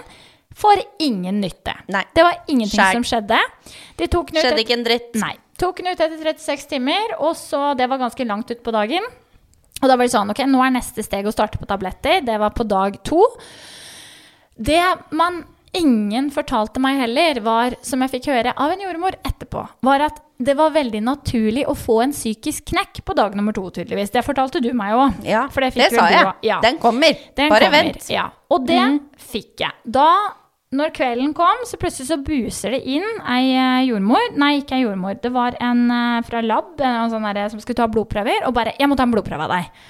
Og jeg er sånn Jeg liker ikke nåler. Jeg liker ikke blodprøver. Hvis, og jeg hadde skrevet i fødebrevet mitt at hvis det skal gjøres, så skal jeg få vite om det, så at jeg kan få forberede meg på det. Ja. Høres veldig dumt ut, men det er en fobi. Hun kommer inn busende sin 'Jeg må ta en blodprøve av deg'. Og jeg var sånn 'OK, ja vel, ok, greit, da får, du, da får du ta det', da. Og så tar hun den blodprøva, og så sier jeg Tror ikke jeg får spurt akkurat da hvorfor hun skal ta en blodprøve. Og så tenker jeg bare ja, ok, da er den blodprøva tatt, da er jeg ferdig med det. Så går det to timer, så får jeg høre at du skal ikke starte på noen piller i kveld, det skal vi starte på i morgen. Og jeg var sånn nei, men jeg vil ha det nå, samme som deg. Ja. Men hun var sånn nei, du trenger å sove, så det blir ikke før i morgen. Så var jeg sånn uff, ok, da Whatever you say. Jeg Da- sov gjennom alle de tablettene der, jeg. Ja, ikke Ja. sant. Og Altså. så går, blir klokka seks, så kommer det inn en ny en med noen blodprøvegreier. Og bare 'Jeg må ta en ny blodprøve av deg'. Så sier jeg da sier jeg faktisk 'hvorfor det?' Og hun bare 'fordi eh, vi ser på den første blodplata di at du har så lave blodplater at vi vet ikke om du kan føde vaginalt, for det er ikke sikkert du tåler å få en epidural'. Som var noe jeg måtte ha fordi jeg skulle være tvilling, eh, hadde tvillingfødsel. Og da må, Må du ha epidural Ja. på tvillingfødsel? Yes. Oh, ja. De sa at det Så er du kan ikke gå på noe ABC-klinikk med Nei, det, det kan Nei, du ikke. nei. Så det var at jeg måtte ha epidural. Og da kjente jeg Da raste Ja. alt sammen. For da hadde jeg faktisk brukt så mye energi og tid på at nå skulle jeg føde vaginalt. Det skulle gå for det. Det var ikke noe problem. Og så kommer noen på sluttetappa og sier til meg at det er ikke sikkert du kan det. Ja. Da får jeg totalt panikk, jeg bryter sammen. Jeg, snak, jeg ber om å få snakke med overlege og lege, og jeg hadde to jordmødre inne hos meg som alle prøvde å berolige meg på at ok, men det her går bra. Og jeg sier at i morgen, da på nyttårsaften, 31. desember, skal jeg ha keisersnitt. Nå orker jeg ikke mer. Ja. Og da var de sånn ok, men da får du sove på det til i morgen, og så ser vi hva du sier da. Og jeg bare det er helt greit, men jeg orker ikke mer. Jeg, det var sånn, jeg bare gråt og gråt og gråt. Jeg var helt utrøstelig. Jeg husker det. Jeg var helt ute av meg sjøl. Jeg, Ja. jeg var mentalt og psykisk utslitt. Jeg visste at ok, jeg har en baby i magen som nå ikke tar til seg næring. Gudene veit om det går Jeg skjønte jo ikke at ok, det var, her var jo kontrollert, men for meg så var det en ukontrollert situasjon. Selvfølgelig var det det. Og i tillegg til det så var det veldig travelt den her dagen på føden, sånn at det hadde heller ikke vært noen inne hos meg på veldig, veldig, veldig mange timer. Jeg tror det gikk syv timer før noen var inne hos meg og tok et, en CTG-måling, som Ja. de gjør jevnlig når du blir satt i gang, Ja. som òg gjorde meg redd. Og jeg følte at jeg kjente mindre liv i magen. Det var mye greier. Ja. Så da når den blodprøvegreia kom tilbake og bare ja, vi vet ikke om du kan det, da var det bare nok. ja. Um, og så jeg, blir vi enige om at jeg skulle få snakke med en, um, en anestesi- eller operasjonslege eller hva det heter, dagen etter om keisersnitt. Jeg skulle få litt informasjon på det, og så skulle jeg få det keisersnittet da den dagen. For de var sånn ok, nå skjønner vi at du er sliten, nå skjønner vi at det er nok. Da skal du få det. Men vi snakker om det i morgen. Og den legen kommer opp han i nitida på morgenen og snakker da, og jeg sier jeg vil vite alt. Fortell meg alt om hvordan funker et keisersnitt. Og han forteller, og det var egentlig greit. Og jeg var sånn ok, da veit jeg det. Eh, og jeg husker at jeg og samboeren min snakka mye om at han bare Jeg skal ikke si hva du skal gjøre. Hvis du vil ha keisersnitt, så blir det keisersnitt. Hvis du vil føde vaginalt, så føder du vaginalt. Det her får du ta stilling til. Og så snakka vi mye frem og tilbake, og så var jeg sånn Nei, men jeg klarer ikke. Det blir keisersnitt. Han bare Det tror jeg kanskje er det beste for deg. Fordi at du har så fødselsangst, så det er så mye du er redd for. Og det jeg òg ble veldig redd for, var det at det, det er jo bare en trygghet. Men de fortalte meg at inne på fødestua under en fødsel med to barn, så er det to jordmødre, to barneleger, to barnepleiere og to leger. ja. Jeg bare Skal jeg ha så mange folk innpå der som skal se på meg grine, skrike, gudene veit hva jeg skal gjøre, ikke sant? Det Ja. skremte meg. Ja.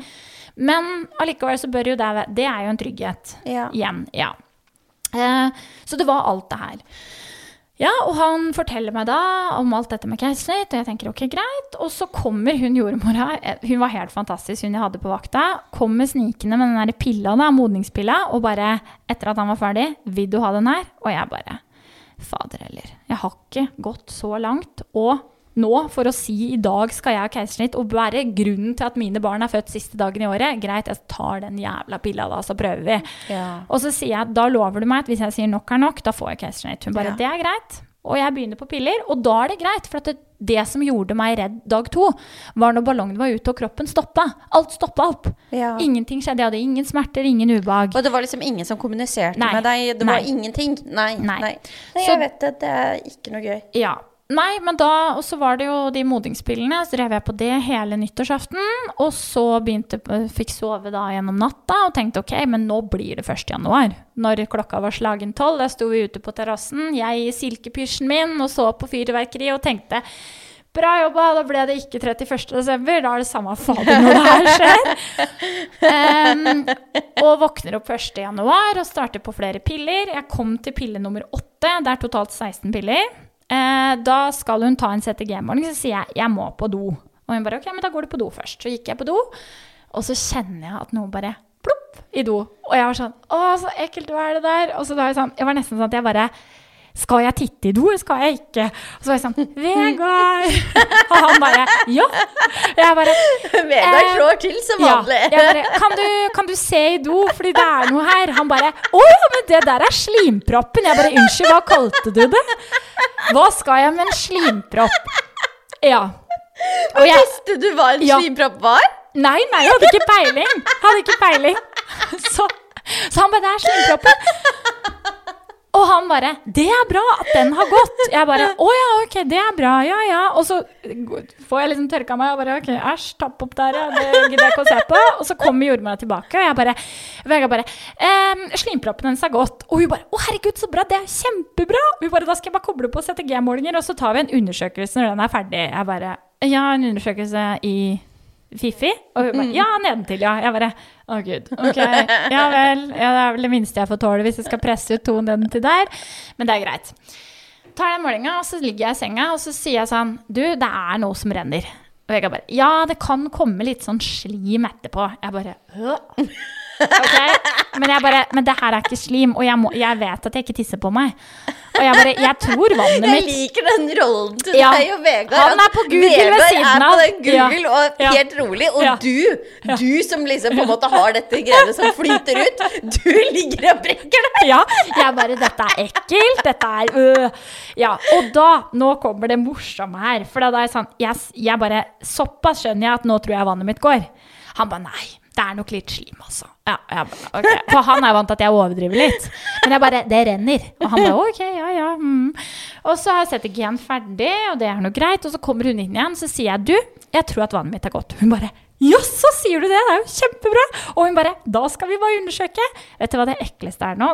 Da, da kjente jeg at nå kommer den tomatsuppa opp igjen i halsen her. For det hun da gjør, er at og Da sier jeg veldig nøye til samboeren min Nå holder du deg bak der, og så ser du ikke ned her. Du skal ikke se nedi der.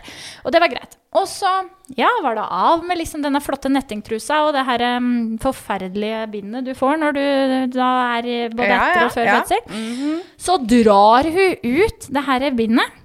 Lukter på det og bare Ja, det her er fostervann! Og jeg bare Å, fy faen. Nå, jeg bare, nå kaster jeg opp. Så hun bare Nei, nei, det er ikke noe å kaste oppover. Det er kjempebra. Og Jeg bare «Å». ja. Men hva lukter Nei, fostervannet? det, jeg vil ikke vite. Det må vi google etterpå. Ja, og så undersøker hun Hun bare Det er supert! Det er tre centimeter! Da er det rett inn på fødestua. Jeg bare Nå skjer det! Nå blir det babyer. Ikke sant? Kommer inn på fødestua. Jeg har fått igjen appetitten, så ny runde med tomatsuppe og eh, sjokoladepudding, faktisk. Koser oss inne på føden. digg. Og, og der i det kjenner jeg at nå kommer riene. Nå kommer de Ja. Og hun bare 'Nå har du skikkelig tak, går det bra med det?' Jeg bare 'Ja, det er litt vondt'. Og så hun bare 'Jeg tror jeg skal sende opp han som skal sette epidural'. Og jeg var sånn 'Å gud, den epiduralen, ja, den hadde jeg glemt'.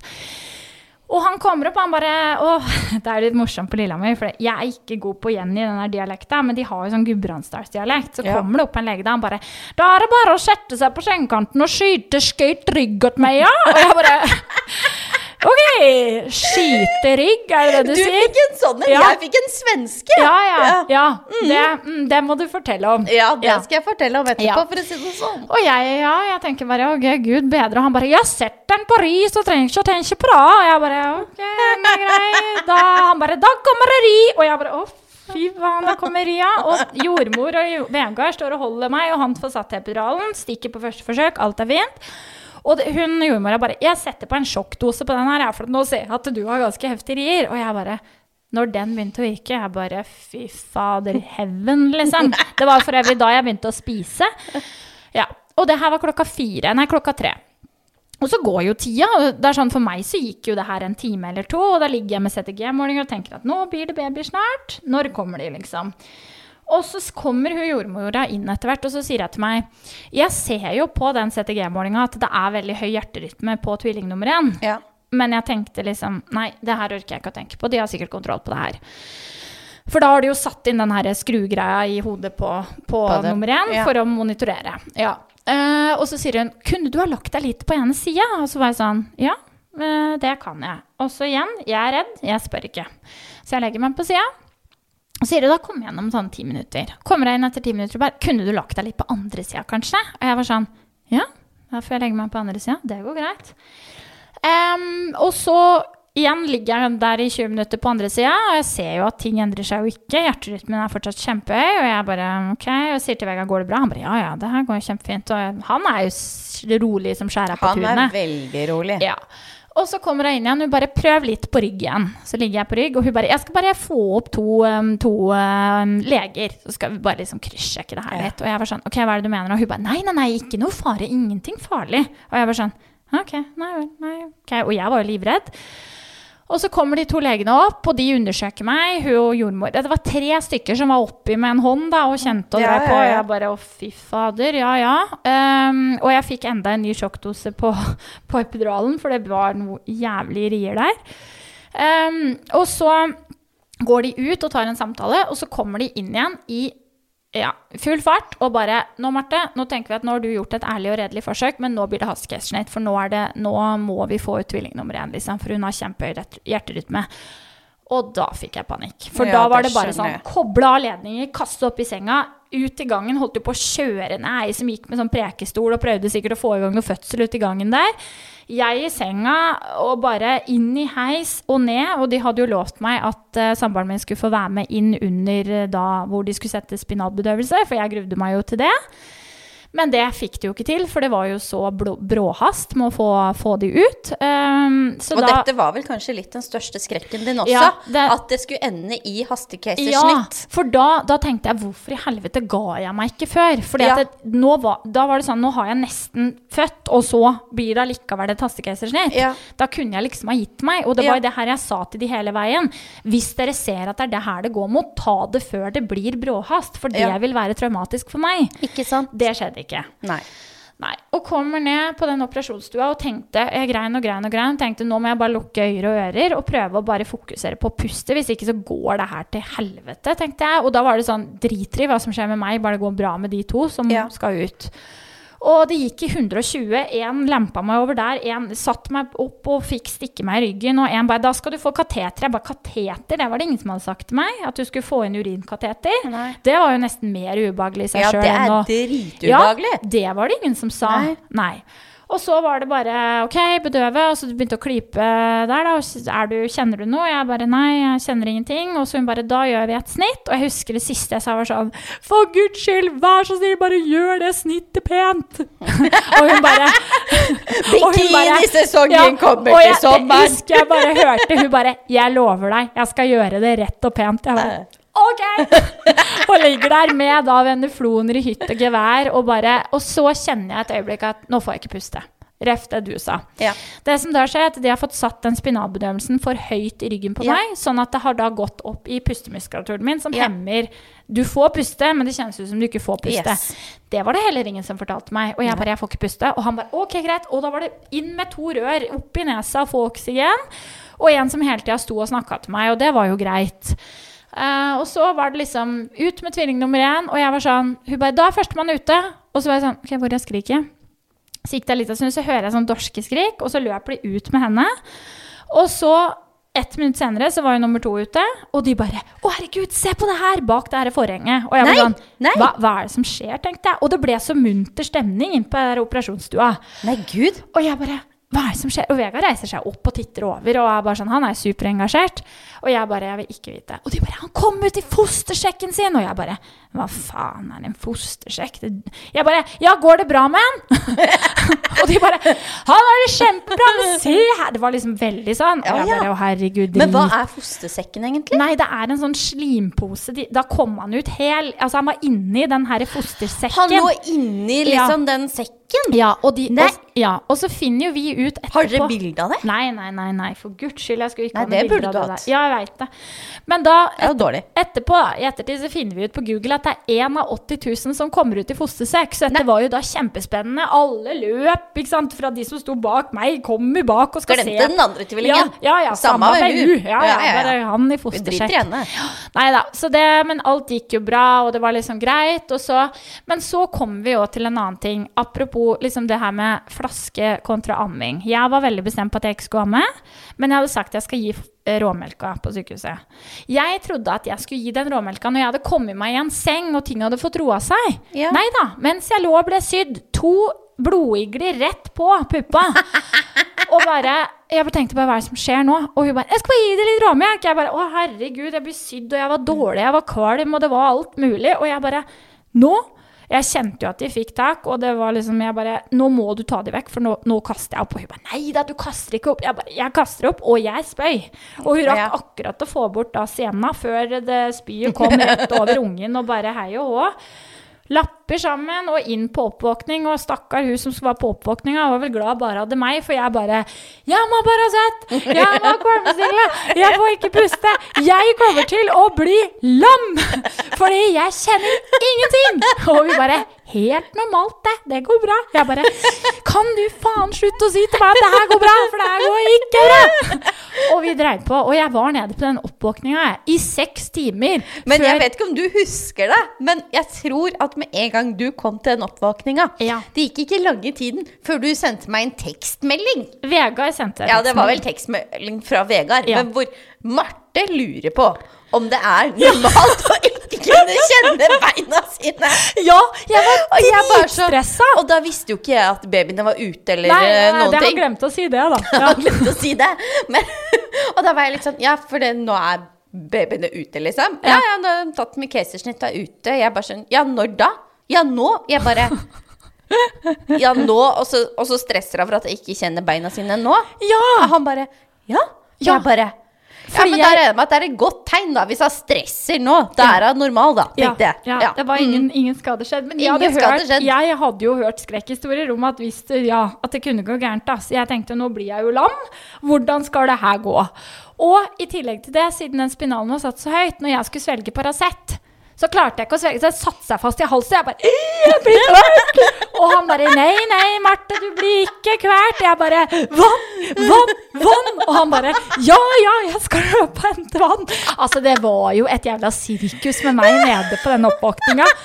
Og så får jeg liksom summa meg litt. Jeg bare Hvor er babyene? Og det, Vegard bare De er oppe på oppe. Det går fint, liksom. For jeg hadde jo bedt Ja, for du tenkte jo bare på den Paraceten ja, din. ja. Og da kommer det jo ned en barnepleier da med de her. De har det supert, alt var kjempebra, alt gikk veldig bra. Ja. Men for meg, det var liksom Det var mye der jeg tenker at ok, det der kunne dere ha fortalt, det der kunne ha vært unngått, det der burde ha kanskje Ja, man har Ja. snakka litt mer om, da. Ja, Ja. helt enig. Ja. Helt enig. Og så var det jo litt sånn at jeg òg tenkte at dagen etter jeg hadde fått høre at det kateteret burde jo ut fortest mulig, ikke sant? For at Ja. du liksom skal få i gang igjen ting eh, så fort som mulig. Ja. Så mine barn ble født eh, 20 på 9, og, nei, 20, 39 og 2040 på kvelden 1. januar. Og klokka 8-9 på morgenen så hadde jeg bestemt meg for at det kateteret det skal ut nå. Jeg skal gå i den jævla dusjen, og det skal jeg klare. Og da var det sånn OK.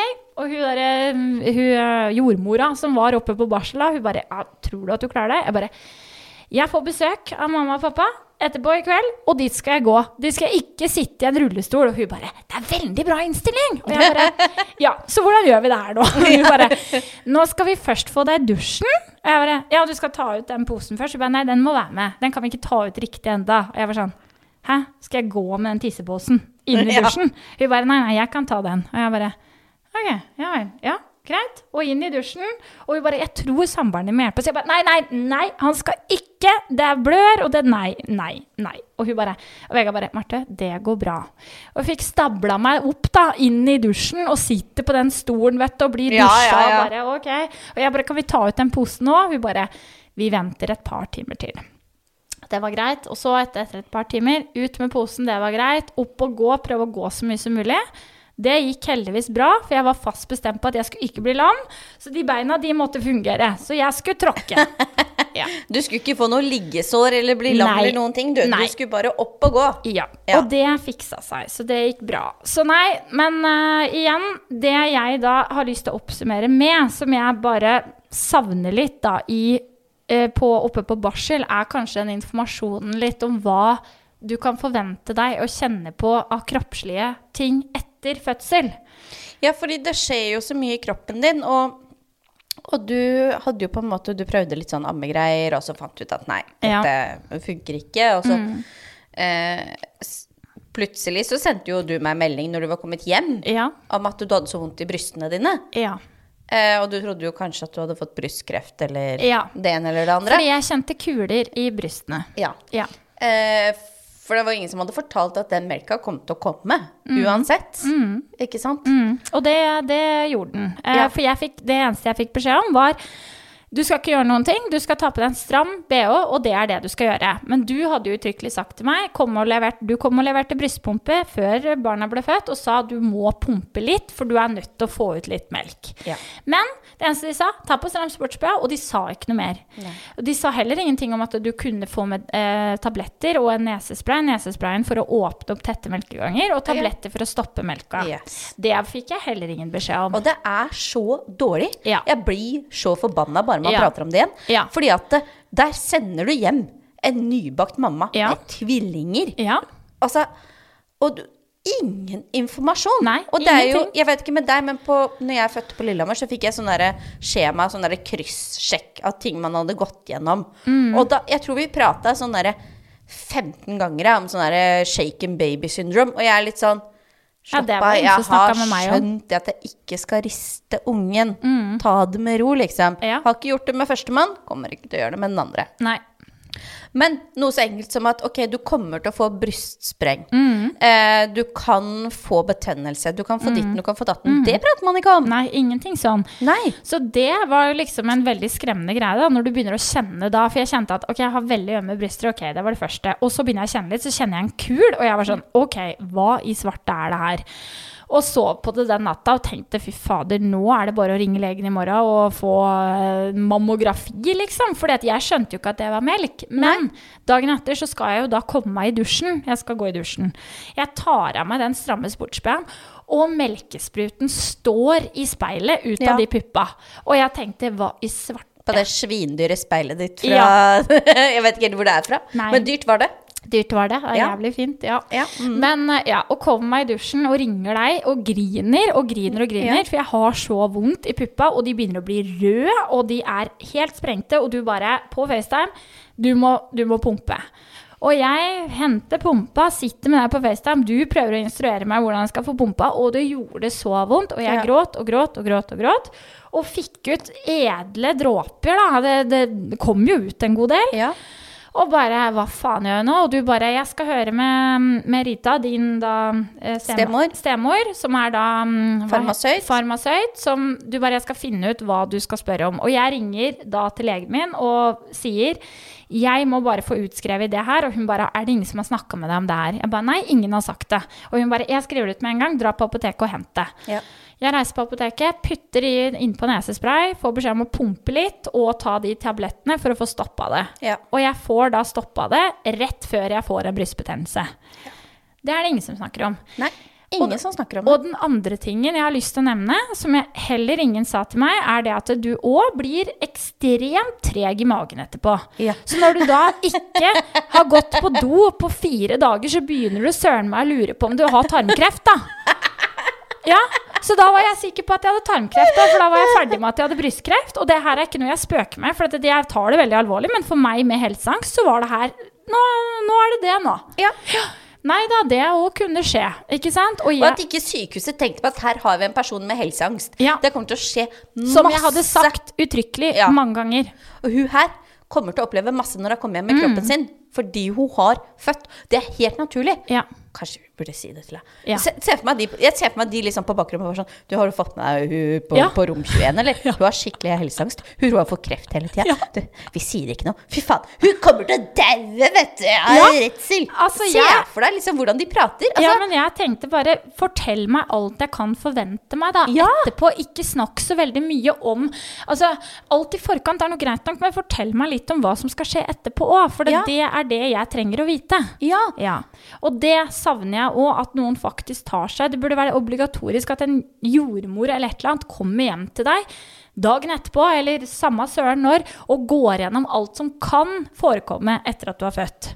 Ikke så veldig mye fokus på Ha fokus på alt før òg, men ha fokus på det etterpå. Ja, og det er så viktig, for jeg ser sånn som jeg som har bodd i, i Nederland da, og vært Ja. gravid. Hvordan var det der? Jo, akkurat når du snakker om det der. Det skal jeg komme tilbake til. Men i Nederland, når du går gravid eh, I Nederland så har du jo, akkurat som i USA, så har du dette med helseforsikring. Du må ha en helseforsikring for å kunne ha fastlege osv. osv. Mm.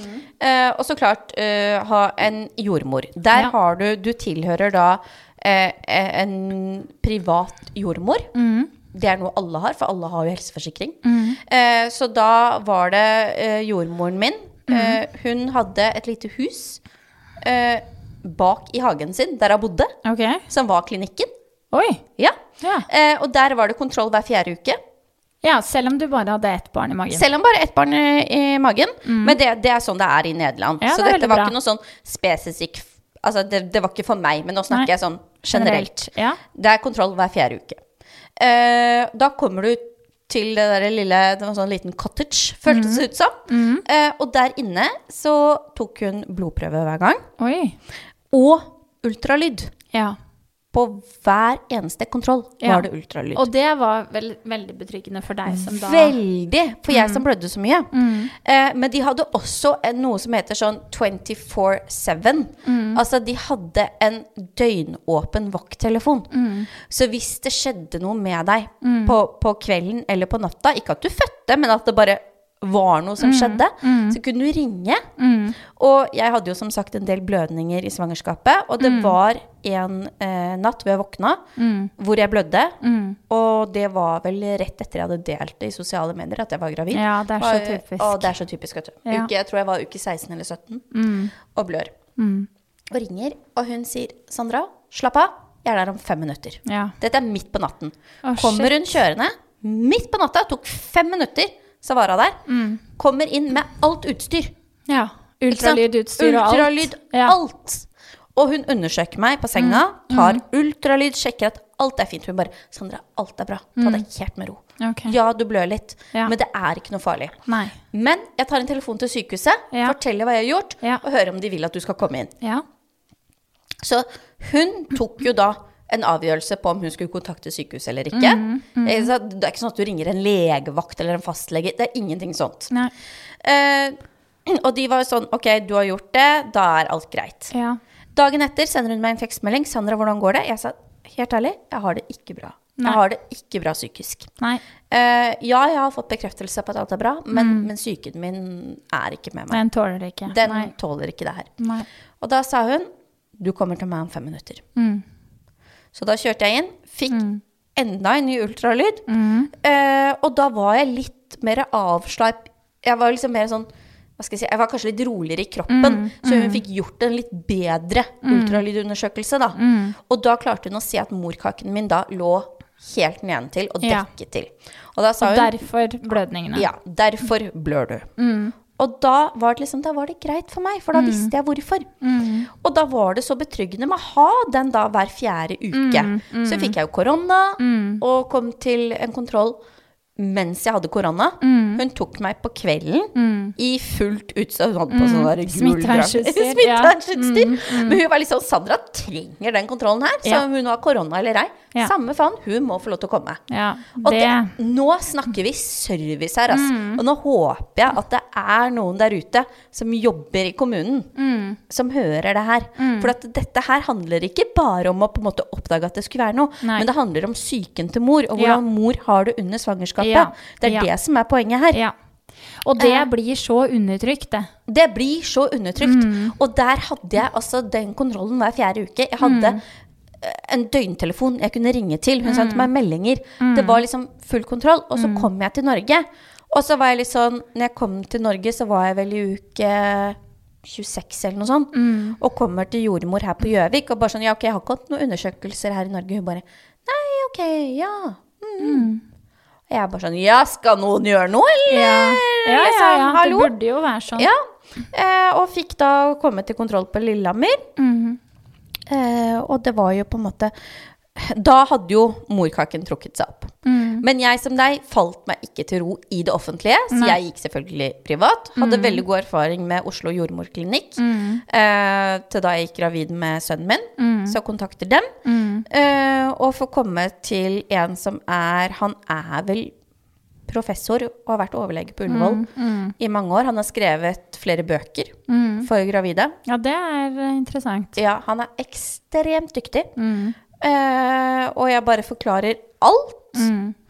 Og han var litt sånn Ja, men nå bare, nå bare slapper vi av litt, grann, Sandra, og så bare undersøker vi her. Mm. Og da så han også at morkaken hadde trukket seg opp. Ja. Eh, og så kommer jeg da tilbake til eh, jordmor på helsestasjon og forteller dette. Mm. Og hun var litt sånn Ja, ok, ja, så bra. Mm.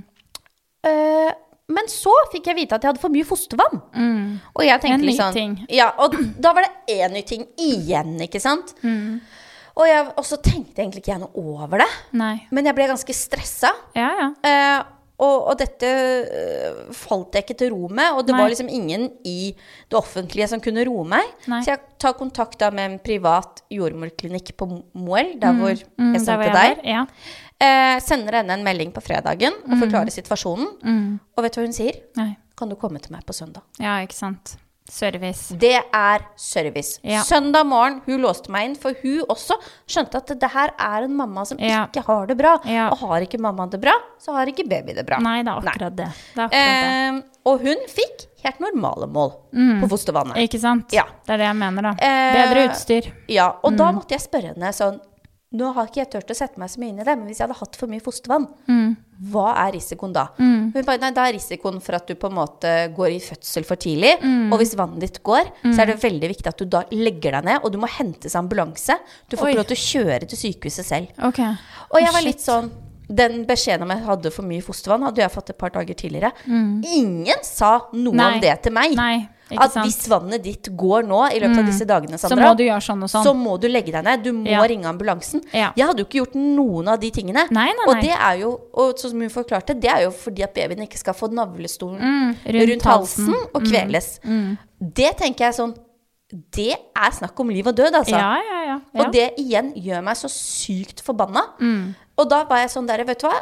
Jeg håper at Norge kan gjøre det litt sånn som de gjør i Nederland. Mm. For det er mye bedre. Ok, greit, Norge er et bra land, Mm. men fadder, etter å ha bodd i Nederland Nå har jeg på en måte mine meninger om landet på godt og vondt, Mm. men når det kommer til det å være gravid i Nederland kontra Norge, det er ti ganger bedre. Mm. Ja. Altså, dere aner ikke hva dere har gått glipp av, for å si det sånn. Nei, men jeg skjønner det. Og når du føder i Nederland, så er det sånn at ok, du kommer hjem etter gjerne to dager, så er du hjemme igjen. Men de første ti dagene hjemme, Ja. så har du en jordmor hjemme hos deg hver dag.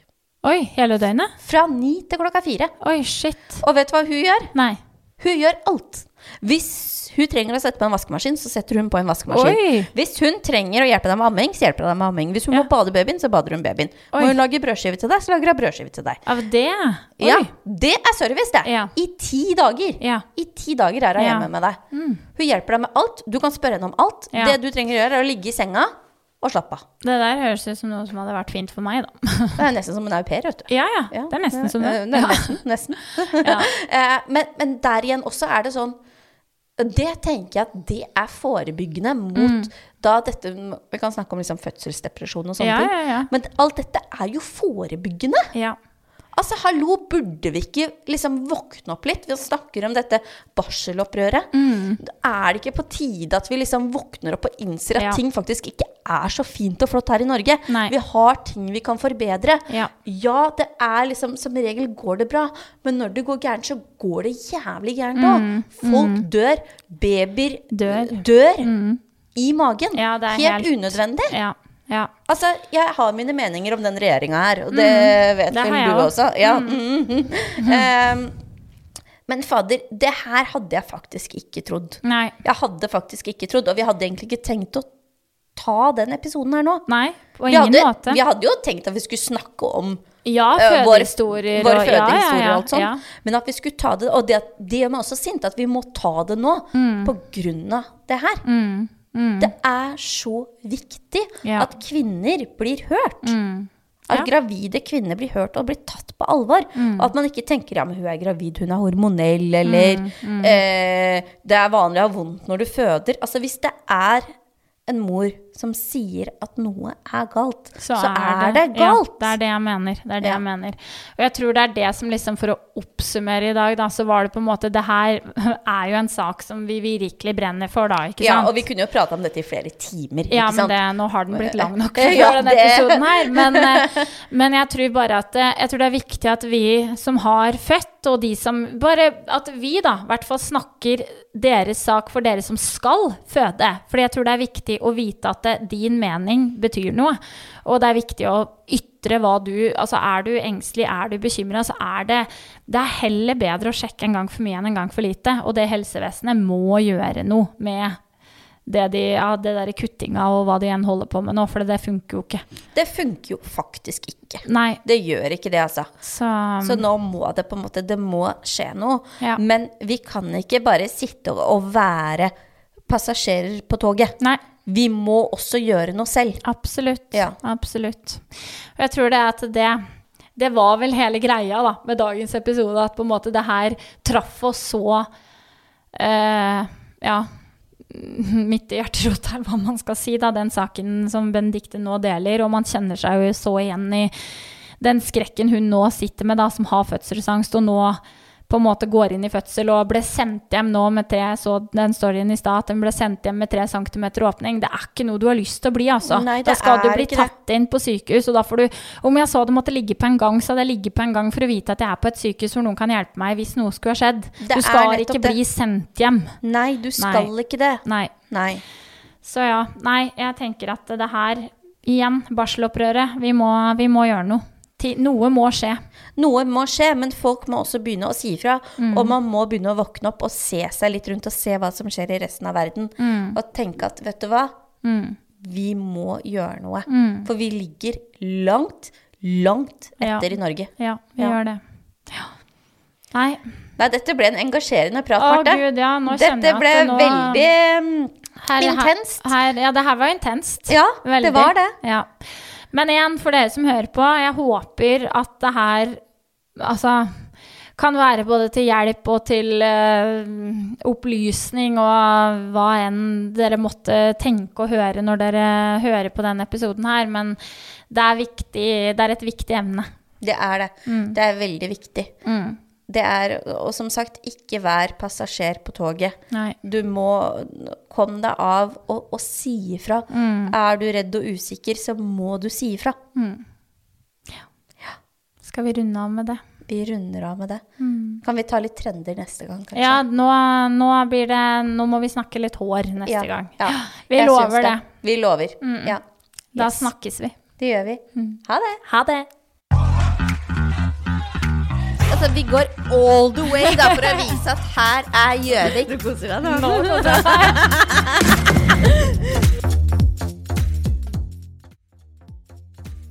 Hejsan! Mitt navn er Sara og jeg har et veldig spennende jobb som konsernleder i Hendrix her. Vi er en varm, nyskapende, dynamisk bedrift der just frisøren står i fokus. Det betyder at frisøren selv er med på å skapa sin egen vardag.